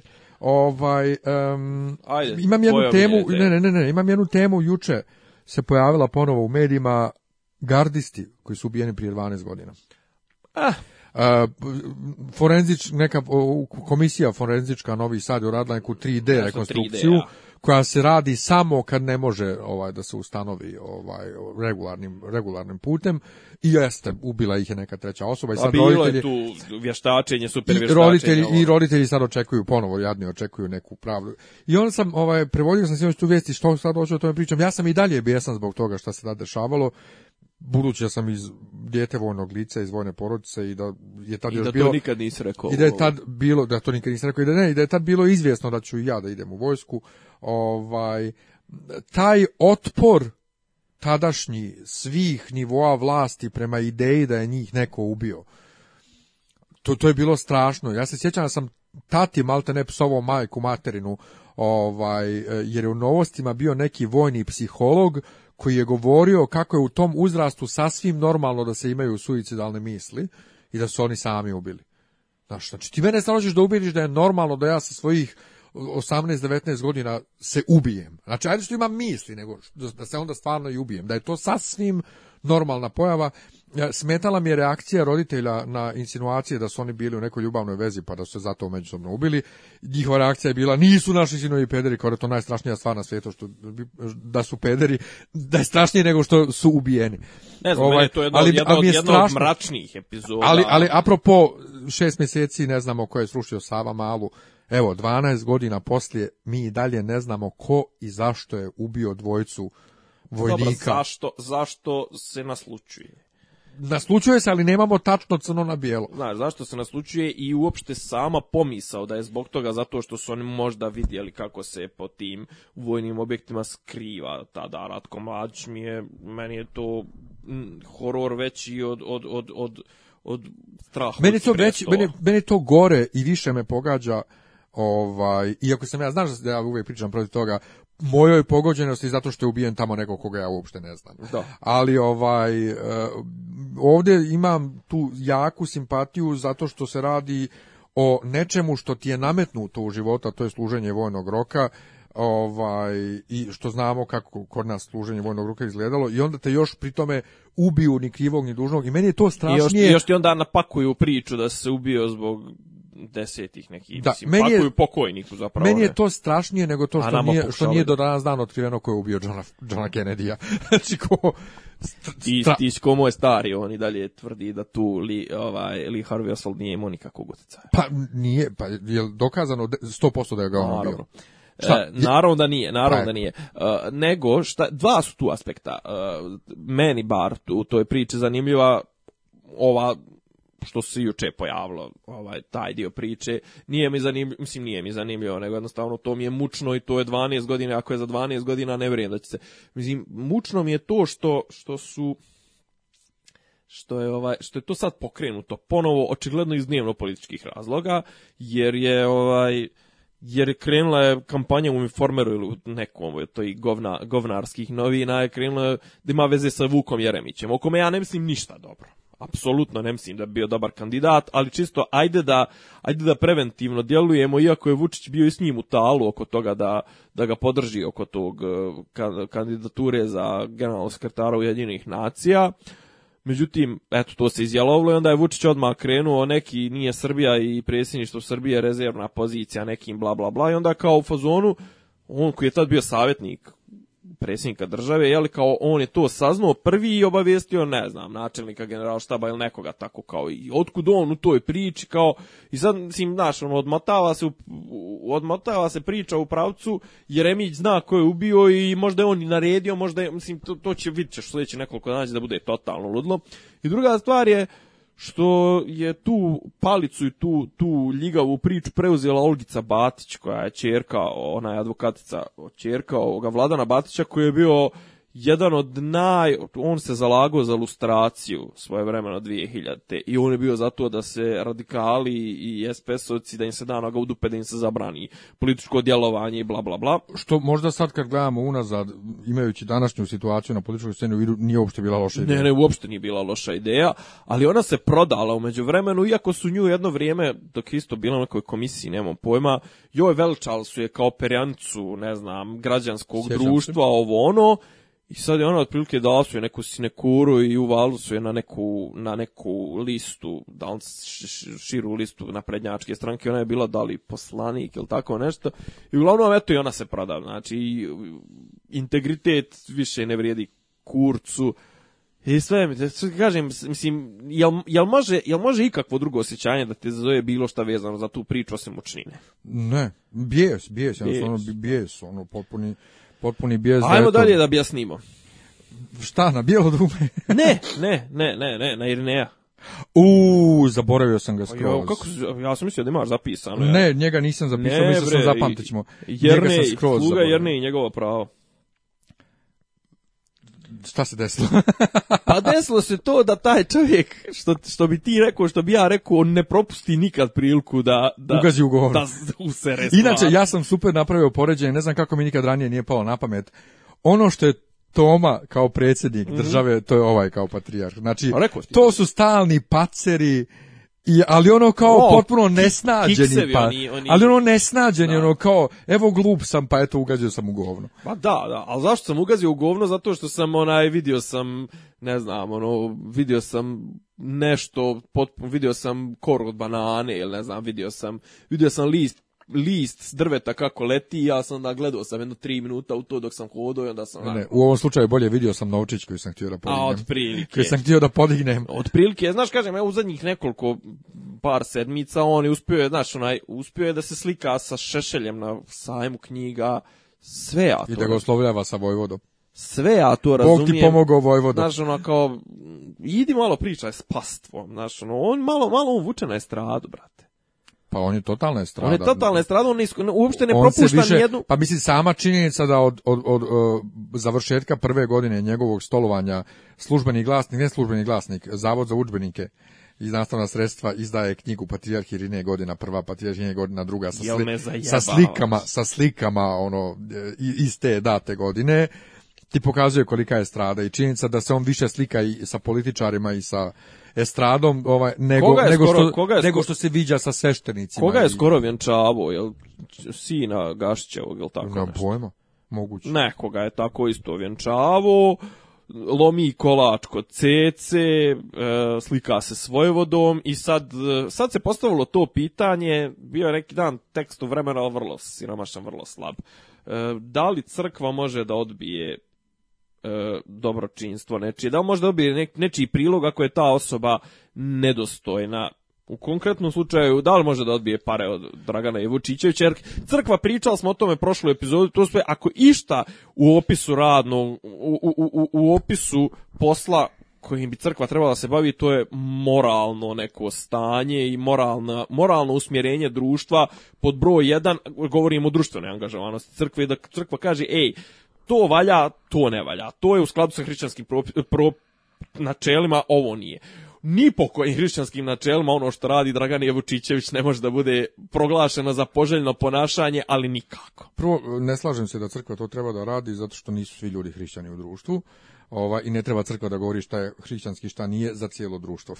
Sad ti kontriram. Ali hrišćanska načela su ista, mislim, ovaj, mora ali su, ista, kao, društvena, društvena načela. Ali da prvo ispričamo šta se desilo. Dakle, Dragan Jevučićević je dao neki prilog za crkvu Žarkovu, železniku, on, je, on je I dobio je ovaj gramatu od patrijarha, zahvalnicu za prilog, ali eh, veći problem među nama koji smo bljuvali vatru na, na Facebooku oko toga, je e, valjda propratna rečenica koju je patrijarh izgovorio prilikom uručenja o nekoj blagodeteljnoj ljubavi Vučićevića prema crkvi i ne znam ja šta. E, i onda imao sam raspravu sa ateistom jednim koji kaže kako mi koji se bunimo nemamo pojma o crkvi, očigledno, jer to je jednostavno najnormalnija stvar i nema veze sa moralnom podobnošću i sa e, radom Vučićevića kao novinara, nego je čista formalnost, dao si prilog, dobijaš u, ko, ko revers. Ko, ja, ja, ja. gdje, sam ja njemu, ko pri, da, gdje sam ja njemu objasnio da je problem u tome što prvo meni lično što se uopšte prihvataju pare iz takvih izvora i drugo što uh, e, svejedno... A tebi, ti kažeš tebi lično, znači ne, postoji... Do, doći ćemo do toga. E, a drugo što je jasno da patrijarh nema problem s načinom na koji ovaj piše, ovaj njega stalno i hvali u novinama, znači ne, ne blati ga, ovaj, dakle da on nema problem s načinom kako ovaj radi i da samim tim dajući mu gramatu svejedno da li to ima veze sa podobnošću ovoga ili nema, u očima ljudi to izgleda tako i zbog toga ne bi trebao onda to ni da radi.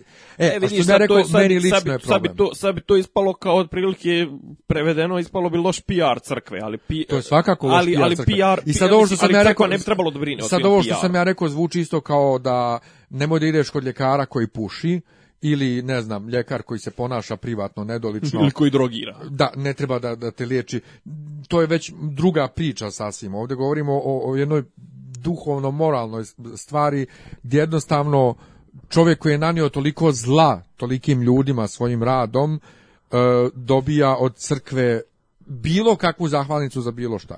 Ja sam rekao moj lični problem sa primanjem para je zato što ja ne znam kanonsko stanje pa da. da li crkva može da odbije ili ne može. Ali ja da sam episkop, ja bi odbijao. Znači, odbijao bi svejedno da li kanon kaže može ili ne može, neću pare i, i, ne bi smjelo zapravo, ja ne znam po nekom, po, nekom moralnom načelu, ti ne bi smio da prihvataš pare za koje se zna da su možda i samo možda iz kriminalnih radnji mislim zemunci da grade crkve i tako to. Jednostavno e, ja, a, to, je, najgore moguće pranje ja, Ja imam, ja imam jedno malo, malo opravdanjce za eventualno odbijanje episkopa i to, jer kakav je idiot Dragan Jevučićević. Ti ako bi odbio njegove pare i to, tip sutra osvano o tome, aha, evo ga Vladka privodi maloljetnike. A, ne, a neće moje pare a ja pošteno radim i zarađujem. Na primjer, to jeste i tipa, pri, aha, primio je pare od onog nekog tamo što je, ne znam, nija zida crkvu pokajnicu, taj neki što je ubio čovjeka, a nećemo je pare, ili tako nešto. Pa da, ali taj loš... Što generalno, šta ste pokajnice? Ajde sad mi objasni. Šta, crkva pokajnica? Pa, na primjer, bilo šta Pa to je, ne, pa to je...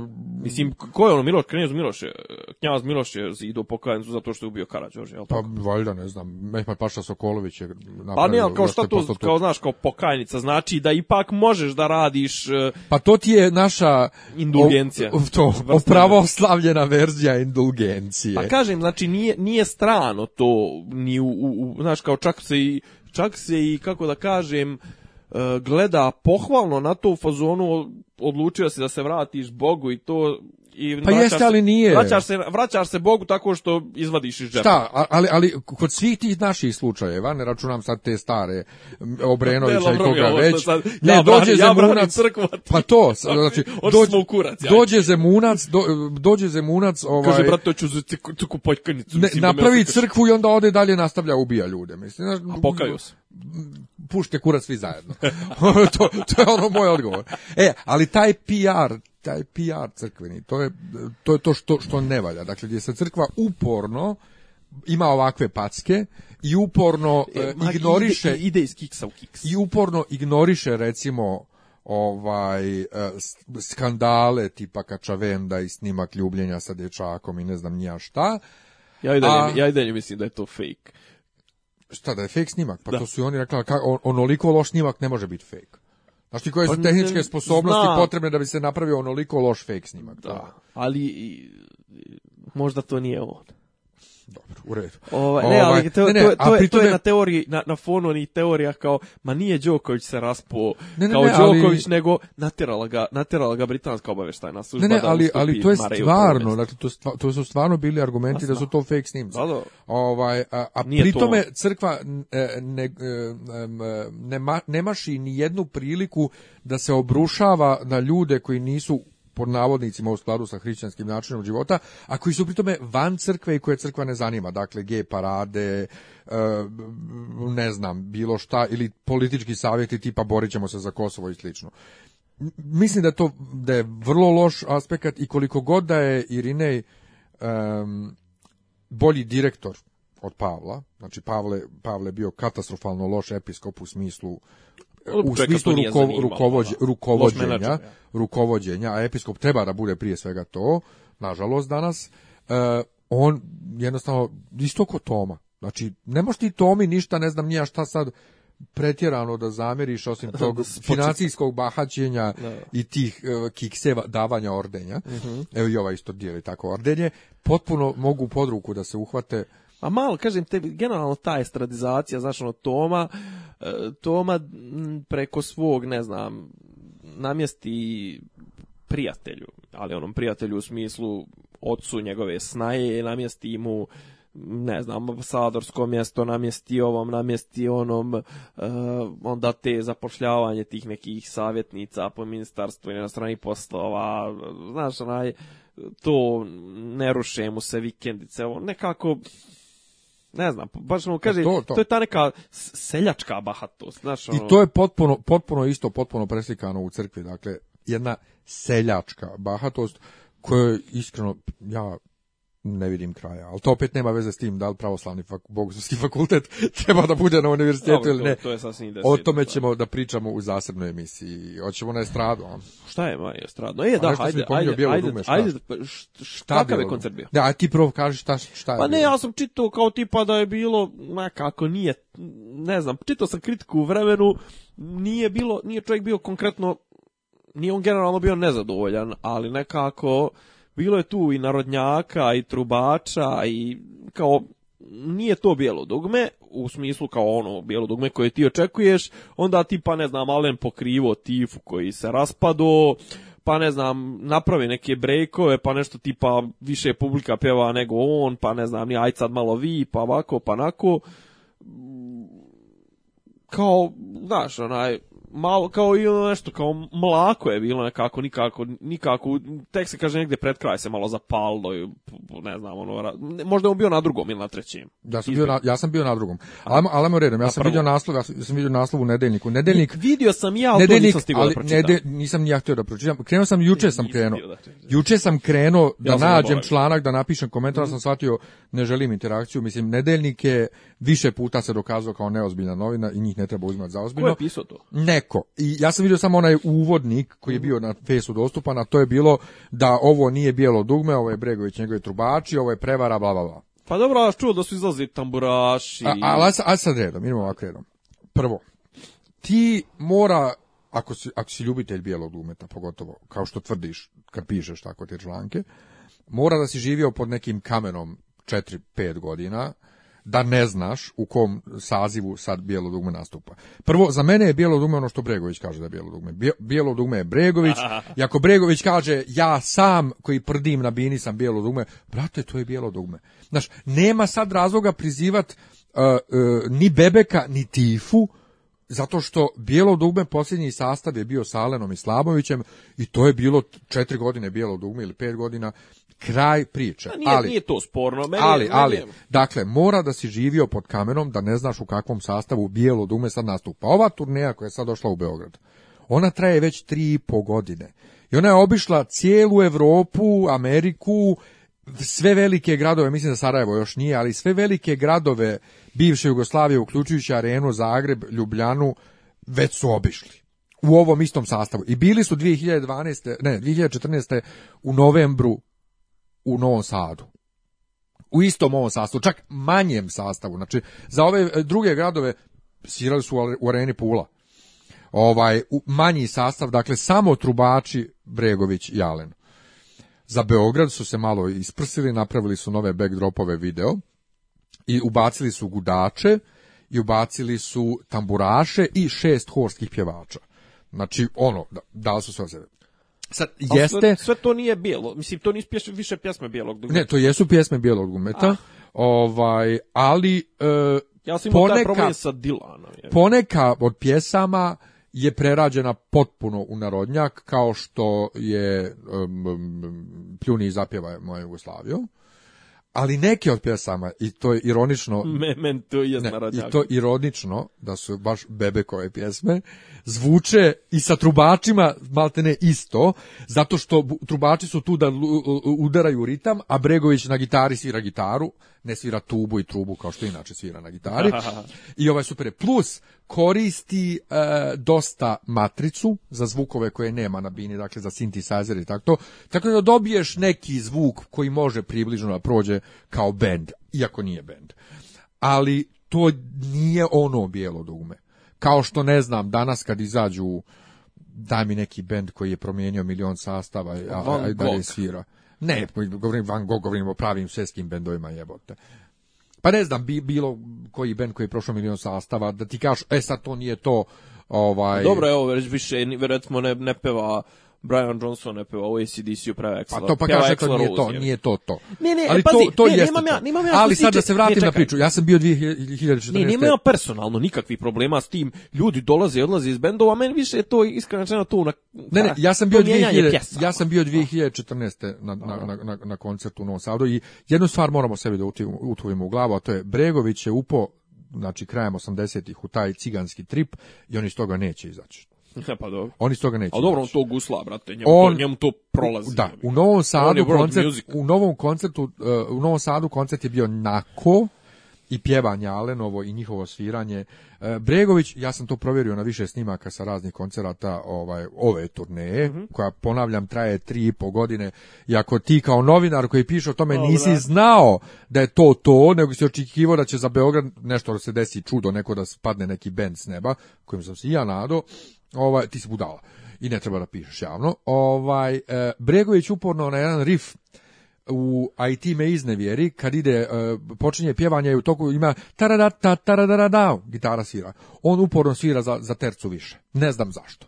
Sad na Beogradskom koncertu je svirao ispravno. I na Beogradskom koncertu je prvi put da sam ja Bregovića vidio uživo, da uživa svirajući i da, da, da bar ima utisak da uživa, da se ne dere ni na kog na bini, da se ne nervira sve vrijeme, kao što je imao i za vrijeme starog bijelog umeta non stop. Znači svaki koncert bijelog umeta je prošao sa milion tehničkih... Možda je promijenio dilera. Ne, nešto. Bio je on zadovoljan, ali on je dobro pjevao i bio zadovoljan, iako je imao mašenja kad će da upadne, kad će da, da, počne da pjeva, toga je imao milijardu, a meni je to simpatično, ja ne idem na koncert da čujem potpuno savršeno zvuk sa CD-a, nego hoću da pjevač malo pogriješi, dobro, nemam ja ni protiv toga ništa. Tifa je tek sat i po poslije došao, što me jako zbunilo, jer su oni koristili intro ono sa pjevačima koji su koristili na koncertima 2005. I onda su za početak koncerta koristili intro Tifin, a izašao je Alen i pjevao svoje pjesme i Bebekove i onda izlazi Tifa poslije sat i po i pjeva Sanja osam noći da ste nema. I ja sam se jako uplašio, ko, gospode Bože, čemu ovo, kako će ono ovo? Međutim, pametno su uradili, da li je to Tifa sam bio svjestan, ja ovo ne mogu, da li je bio ovaj Bregović u fazonu, ovako ćemo, e, dakle nisu se brukali, nego jednostavno Tifa otpjeva refren, e, strofu, Alen otpjeva refren. Onda poslije toga odmah sve će to omila moja prekriti i njegov je šaš, isti fazon. Tifa otpjeva ono što može, Alen pokrije ono što Tifa ne može i to je pošteno sasvim, bar nema mučenja ni njega, ni nas, no, dobro, I onda Alen siđe zbine i ide ovaj Tifin program koji je onako. Zna, meni je to sve iskreno rečeno podgrijevanje pice i šamaranje pa meni nije, konja. Pa prvo naravno da jeste, drugo, ali meni i dalje stojao sam na tom koncertu sa temperaturom 38, ovaj pred sepsu, ne znajući da, da, da sam blizu sepse, ovaj blizu skepse. Presrećan zapravo što živim u svijetu ovaj 2016. u kojem ima dosije X ponovo, iako je grozan, u kojem se vraćaju ponovo stare neke TV serije ovaj, i, filmovi i, sve, i u kojem postoji bijelo dugme, kakvo takvo, ali ima bijelo dugme. Ja, ja sam na koncertu bijelo dugme. ne, pazi, to što mene fascinira... Ali stvarno muzički fascinira... nije toliko loše koliko je bilo na, na prethodnim i nije mašio taj riff, Sviro je riff ispravno. Ono... Pazi, mene fascinira to da ti koji imaš vrlo visoke ovaj visoku ljestvicu za, za mnogo stvari i očigledno dobro imaš soft spot nekoliko, za, nekoliko, za neke stvari jednostavno spreman si da pređeš, pređeš preko nekih zamjerki koje bi nekom drugom. Pa znaš Ako imaš neutralniji stav, bi ga verovatno iskasapio, imao bi mnogo vešu, ali ok, ti ne, ne, kažeš, ne, pošteno si rekao, ti si sretan što, što ne, ne, postoji. zašto, ja sam ti rekao, ja, ja, ja vrlo otvoreno kažem šta valja, šta ne valja u svirci. Da, da. I da Bregović maši sve, ali sad je stvarno solidno siro i E, ima tih nekih narodnjačkih aranžmana koji mi ne, tipa za šta ima novo kod tebe, mm. ali ono, koji sasvim lijepo leže. Ali ja se ne ljutim i ne nerviram se, zašto je u svijetu sasvim normalno ovaj, u pop muzici pogotovo da se od do promijeni aranžman pjesme da bi bila Ali meni niko ne oduzima original. Ja dođem kući, pustim CD i uživam.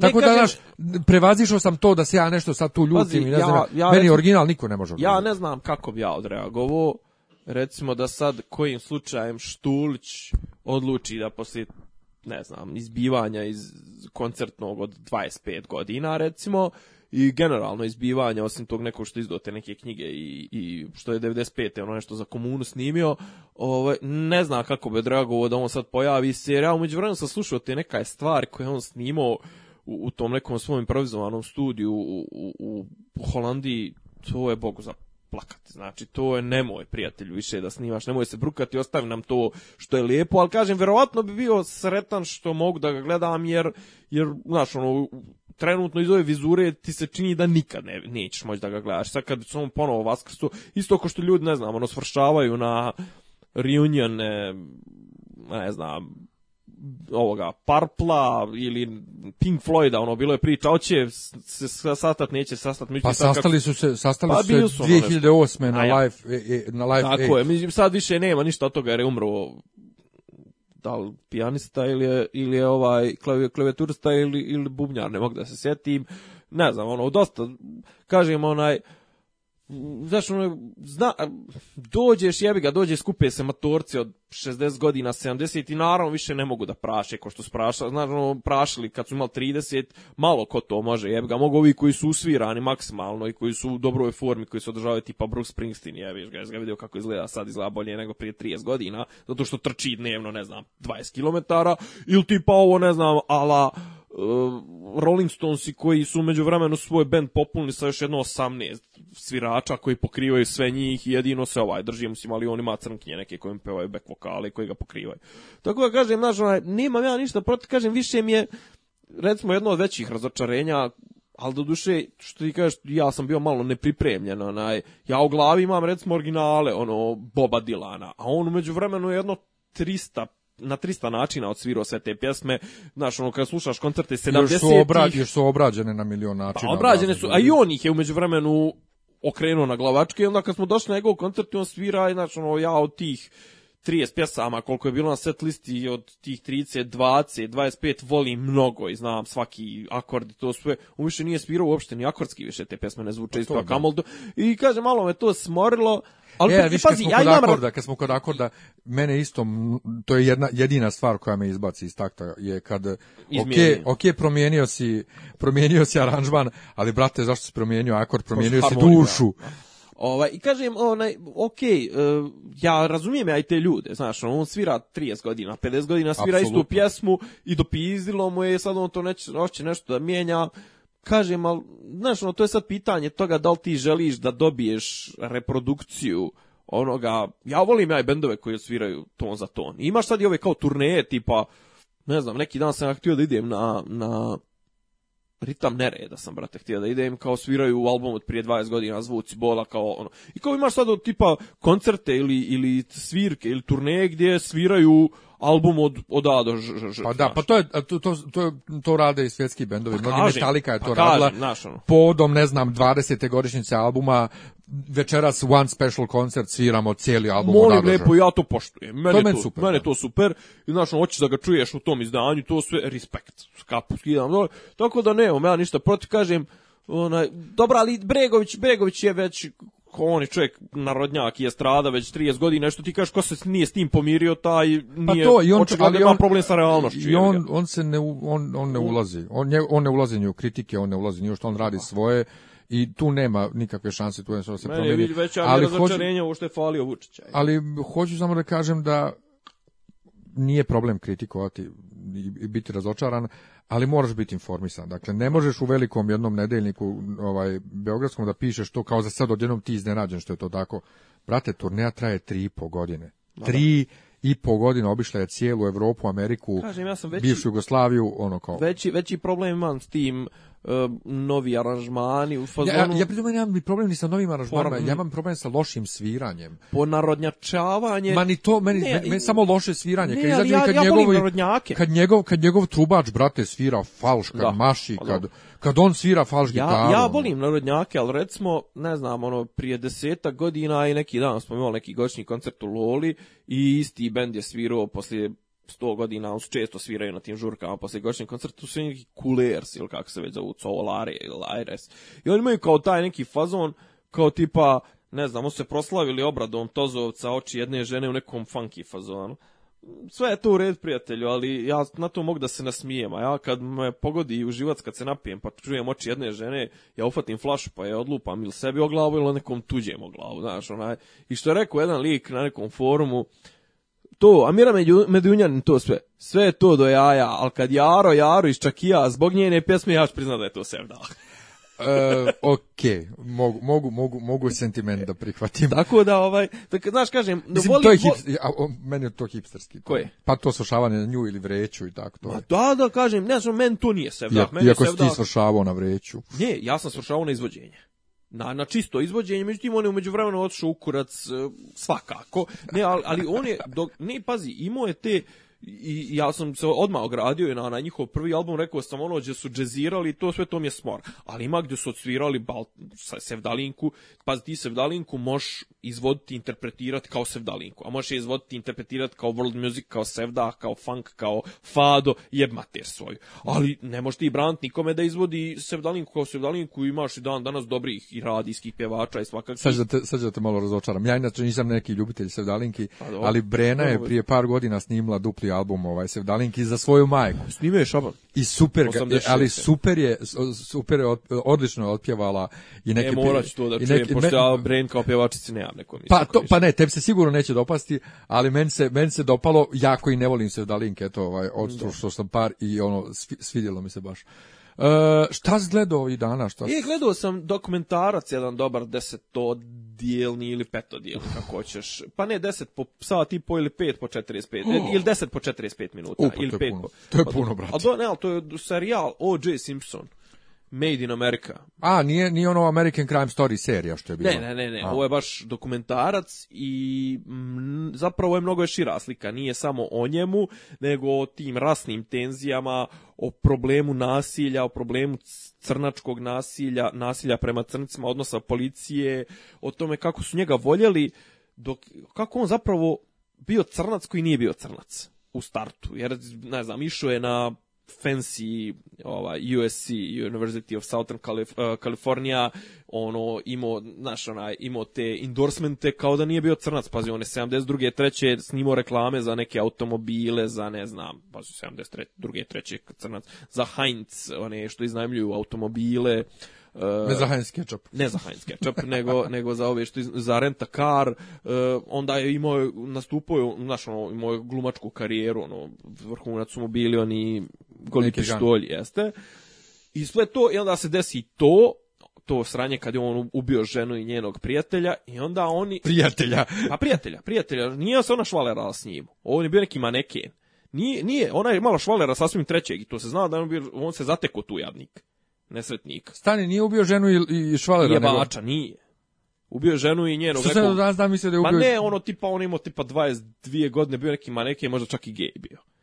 Ovaj, a, a Švaler, Švaler je bio neki, bio neki igrač američkog futbola crnac i ona je bila u vezi s nekim likom koji je bio neki sasvim deseti. Ovaj, I on je ubio njih dvoje, Mislim, on je na kraju svo vrijeme tvrdi da nije, naravno, iako jeste, na kraju on to da li priznao, jeste priznao, nije priznao, ali šta je fora, on su od toga napravili rasistički slučaj. I u jednom trenutku njegova odbrana je cijeli aspekt priče preselila na tog nekog inspektora koji je ispaljivo Niger ovo ono kako je brutalan bio kako neki furman koji je onako jedna klošarčina jedna ali onda su to okrenuli i onda je šta je fora i zato je oslobođen. Oslobođen je i kad je oslobođen, desla se još veća rasna diferencijacija, znači još više bjelaca ga je mrzlo što je crnac, još više crnaca je likovalo što je on oslobođen, kao to je nepravda, e, ovaj, e, crnac je pobjedio pravosudni sistem, ono, i onda njega, vrate, moj 2007. ga skopaju za nešto u, u, u, u Nevadi, u Las Vegasu, on je htio neke svoje memorabilije da vrati. Neki su mu ponudili da mu otkupe neke, pošto on, tužili su ga krivično. Nije, gonili su ga krivično, da, oslobodili čekaj, su ga. Poslije parnično, pa, parnično su ga, odvalili ga za 33 miliona dolara. I onda je on, da bi spriječio to, ne znam, kuću, nešto, dakle, da, kreku srušena, pla, prodao plac, nebitno. Uglavnom, on je isplatio koliko je imao, ali te neke lične stvari, što je po meni vrlo glupo, znaš, kao on su htjeli da mu zaplijene i lične stvari i da mu, da i od toga namire te neke tužili su ga roditelji tog lika. Da, da, da. I sad pazi, on ima recimo trofej osvojen za najbolje koleđ igrača. A ne može, brate, mislim, znaš, sad, sad ja kupim taj trofej, ali ja nisam osvojio taj, taj trofej je na njegovo ime i on ga je osvojio. Mislim, šta mu oduzimaš, taj, takve stvari kod nas, čak mislim po našem pravosuđu, i neke stvari koje imaju ličnu sentimentalnu vrijednost, a nemaju tržišnu vrijednost, jednostavno e, ne, ne, ne otmaju se čak ni prilikom izvršenja, ne otma se, ne znam, ortopedska oprema, neće ti niko uzeti. Vještački kuk. Vještački kuk ili, ili čak ove, kako zovu, ove, štake.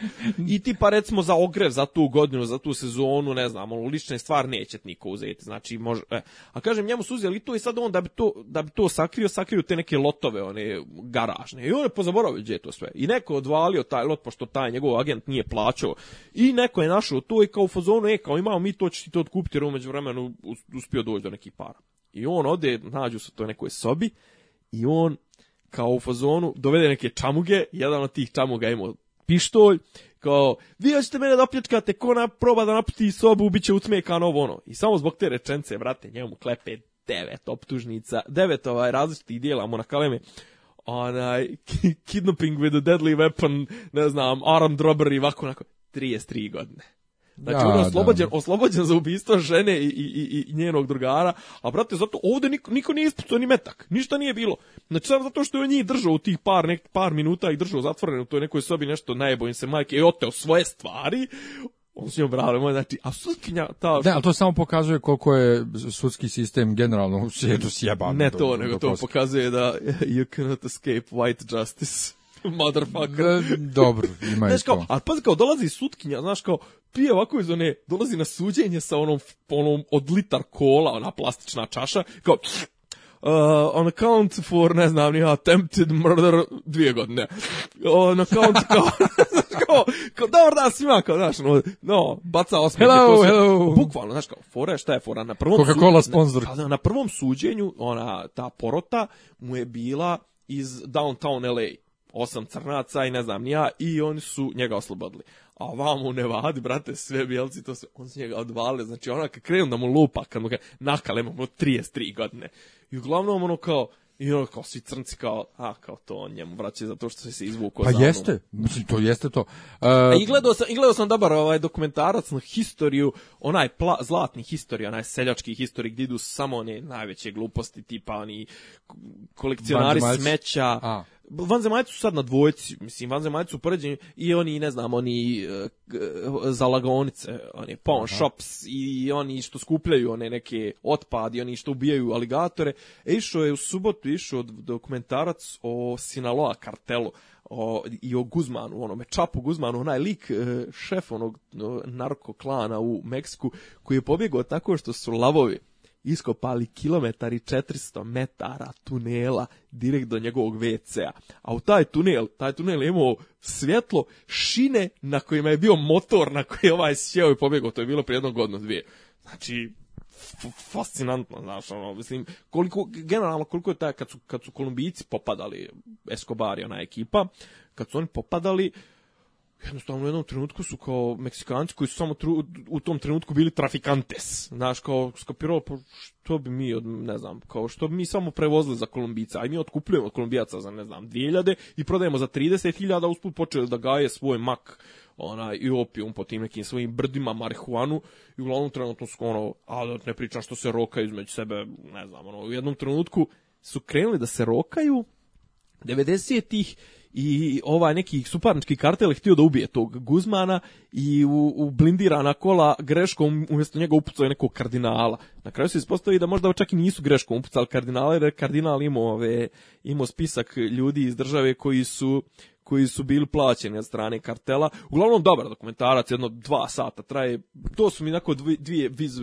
A odlučujem se, sve se kanim nešto da krenem ponovo, pa ćemo snimati ove specijale, to sve da, da krenem, ne znam, Wire ili... Znaš da sam utvrdio da se ima, recimo, rupe što se tiče ti ovih blockbuster serija, recimo, ja nisam gledao Sopranos. Ni ja, niti želim.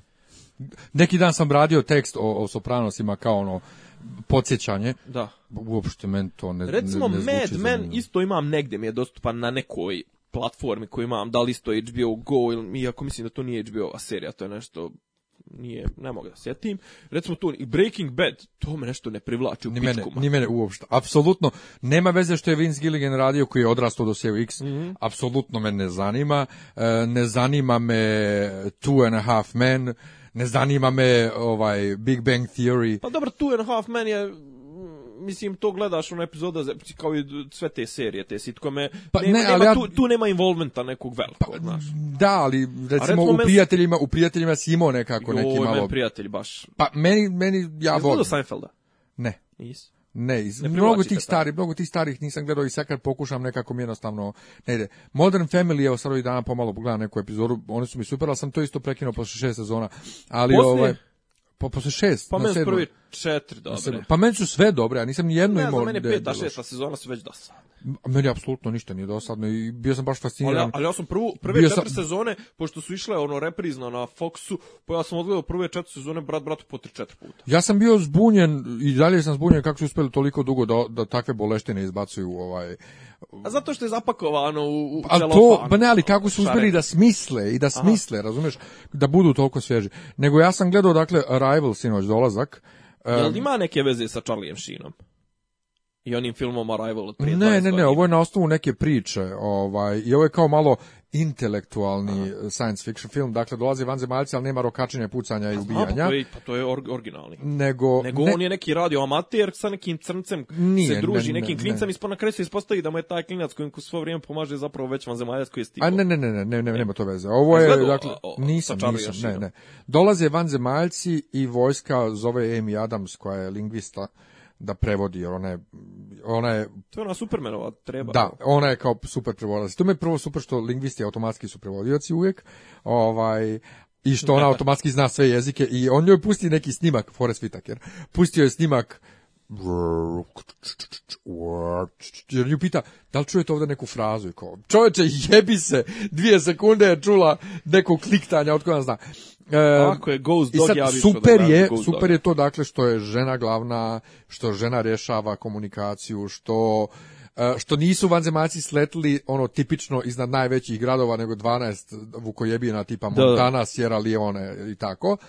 Ali je ima te pretencioznosti hipsterske, koja je ono kao pseudo-intelektualna za mene, u mom društvu je mnogo dopo inače, ima mnogo neke patetike i, i sad zbog tog nedostatka akcije pokušavaju da izgrade suspense gdje tebi jasno 15 minuta šta će, ko će da bude ta misteriozna osoba koju vidimo sve vrijeme samo kao sjenku. Ovaj, malo me tu razočarao, ali ono, nije loš, ali ako očekujete sad, ne znam, ja kakvu akciju, vanzemaljci koji osvajaju svijet, nije to to. Drugo, gledao sam fantastične, e, ja kažem fantastične dveri, ide i naći, fantastične zvijeri ide je naći, jer sam dok sam bio bolestan odgledao sve filmove Harry Pottera ovaj, ponovo. Čekaj, ali to ovo, kako ono, ima kao ne, neki meme, ono, kao alternative names za filmove, J.K. Rowling i taj film se zove J.K. Rowling i njene fantazije, ili tako? Pa ne, pazi, e, fantastične zveri gdje ih naći je udžbenik za e, brigu o magičnim stvorenjima u Harry Potteru u školi. I onda ona to izdala kao propratnu knjigu izdala kao udžbenik i sad je rešila od toga napravi film naime o tom koji je napisao taj udžbenik i njegovim avanturama. I to se odigrava 70 godina prije Harrya Pottera. Dobro.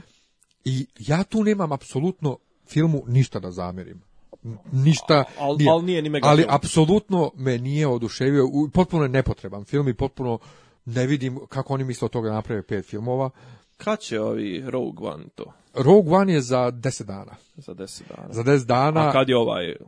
Koji? Klasični?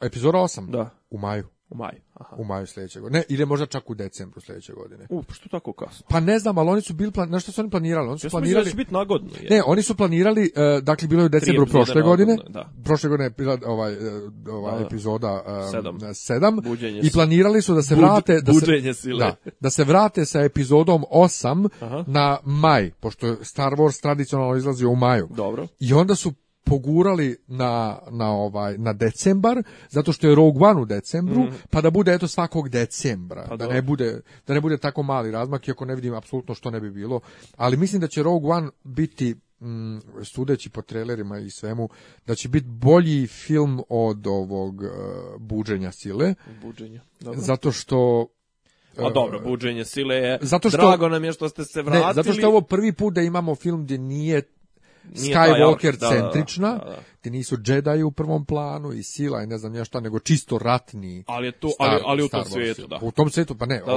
odigrava, pa se, odigrava se neposredno prije četvrte epizode, prije prvog filma. Mhm. Dakle, odmetnici, to jest pobunjenici kradu od imperije planove za zvijezdu smrti. I ovaj, to je jedna priča koja je završena, koja je dakle već odigrana. Sad, sad, ću, ja da serem onako maksimalno, sad da uglo zvučim ko Krunić ili tako neko, znaš, kao, meni ta, iskreno čuna, ta zvijezda smrti, McGuffin, znaš, ono... Pa meni... grozan je McGuffin. Da. Pa toliki McGuffin da u buđenju sile, se neću nikad prestati da kažem buđenje Aha. sile, da u buđenju sile kad urade onu planetu smrti koju su napravili, ili šta već, da oni kažu, ali ponovo isto, ne, nije isto kao zvijezda smrti, ali kao je mnogo veće. Generalno ta zvijezda smrti mi je kao, ovaj, predmet radnje, dosadno mi je, mislim, ono, a da ne pričam što se vrti. Meni je, koji rekao smo, 17. ili 19. maj, uh, run. Znači, dolazi Ridley Scott, hajde da i on proba da se opere malo za, za Prometeja, iako Prometej sam po sebi nije on loš film, ali... Pa jeste, ali nema, ima... ne, nisim, nije, nije, nije flop, ali u poređenju, u poređenju sa prethodnicima, ono št, na šta se kalemina na, taj svijet ovaj, Aliena i na tu kako da kažem, mislim, Alien je pre, prvi dio je prejebeno dobro snimljen film. Mislim, to je taj, sad bi to Ognjanović bi to rastego na, na, na 16 seja. Znači, ta početak 80-ih je izbacio tako par tih dobrih horora koji su išli na, ne ni na, na specijalne efekte, ni na, na to, nego jednostavno išli su na to da te useru. Uh, ovaj, kao zove, Alien je klaustrofobičan film. Prvo, taj film sa tim momentima, tim izlaska, ovo ono pojavljivanje novog stvora koji ima neke zajebane, onda stvor, E, Carpenterov sa, sa Kurtom Russellom koji je isto mnogo, znači tu su dobro snimljeni filmovi, ne znam, Mislim, ja nikad nisam bio ljubitelj nešto, ono, ni Halloweena, ni, ni, ni e, Nightmare on Elm Street, ali to su dobri, znači, onaj jedan, prate, ti se bojo da zaspiš poslije toga, mislim, znaš, onaj, onaj drugi, koliko god da ga ubiješ, onoga Vorhisa, znači, možda, možda ga baciš u jezero, jebo mater, on ispliva, znaš, ono, u, ljudi su radili to, a sad je otprilike horor se sveli na, na gor, na splater, na, na, znaš, ono, na gadniće, mislim. Ili to, ili ovi PG horori za bioskope, koji, koji onako Evo sad vidim, nešto pokušaju, a ništa. Sad su kao, sad je kao ova, kako se zove, Sadako Mic, ona iz Ringa meets onu iz e, Ju, Juon, onog građa, ona Sadako Mic Ki, Ki Doko, ili tako nešto, ono, znaš, kao Alien vs. Predator. Ona, Ili Freddy vs. Jason. Ah, to, bukvalno, znači, dno dna.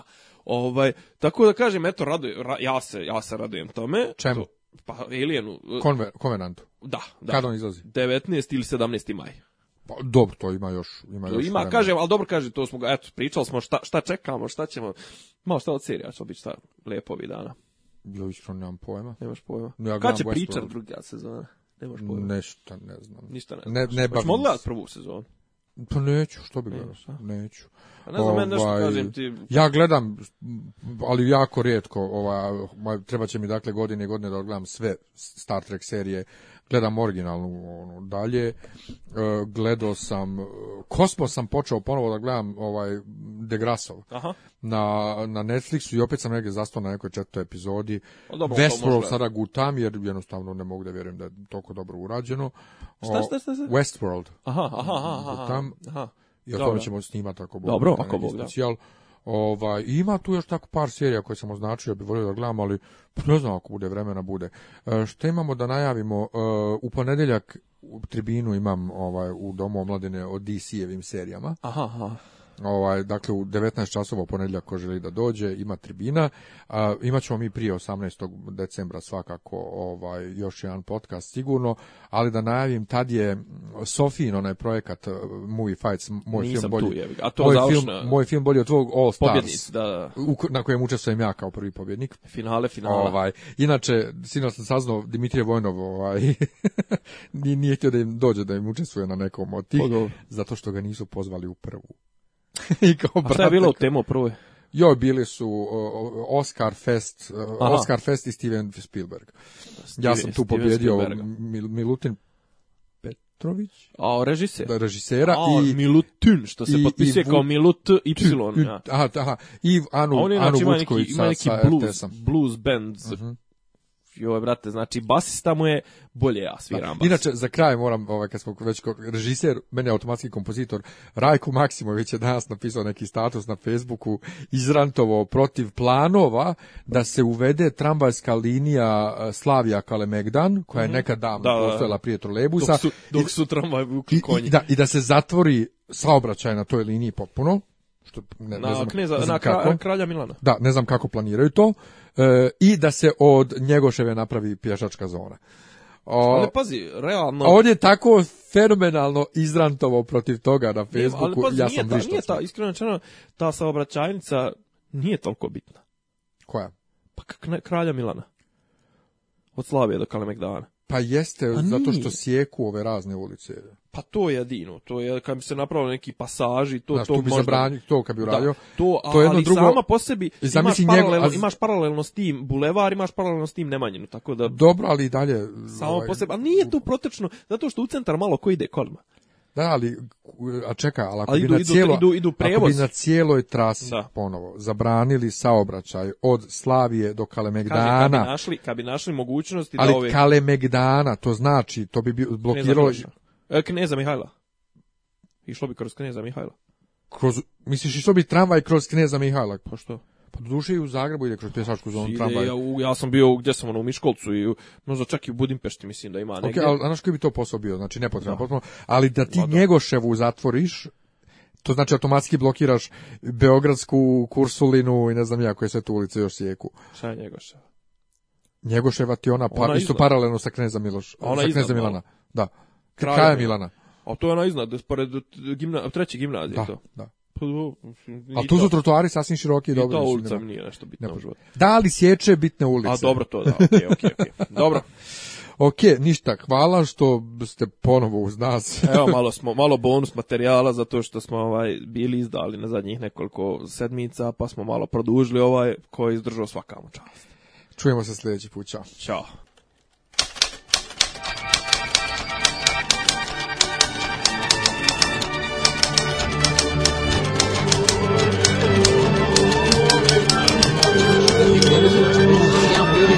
Oh,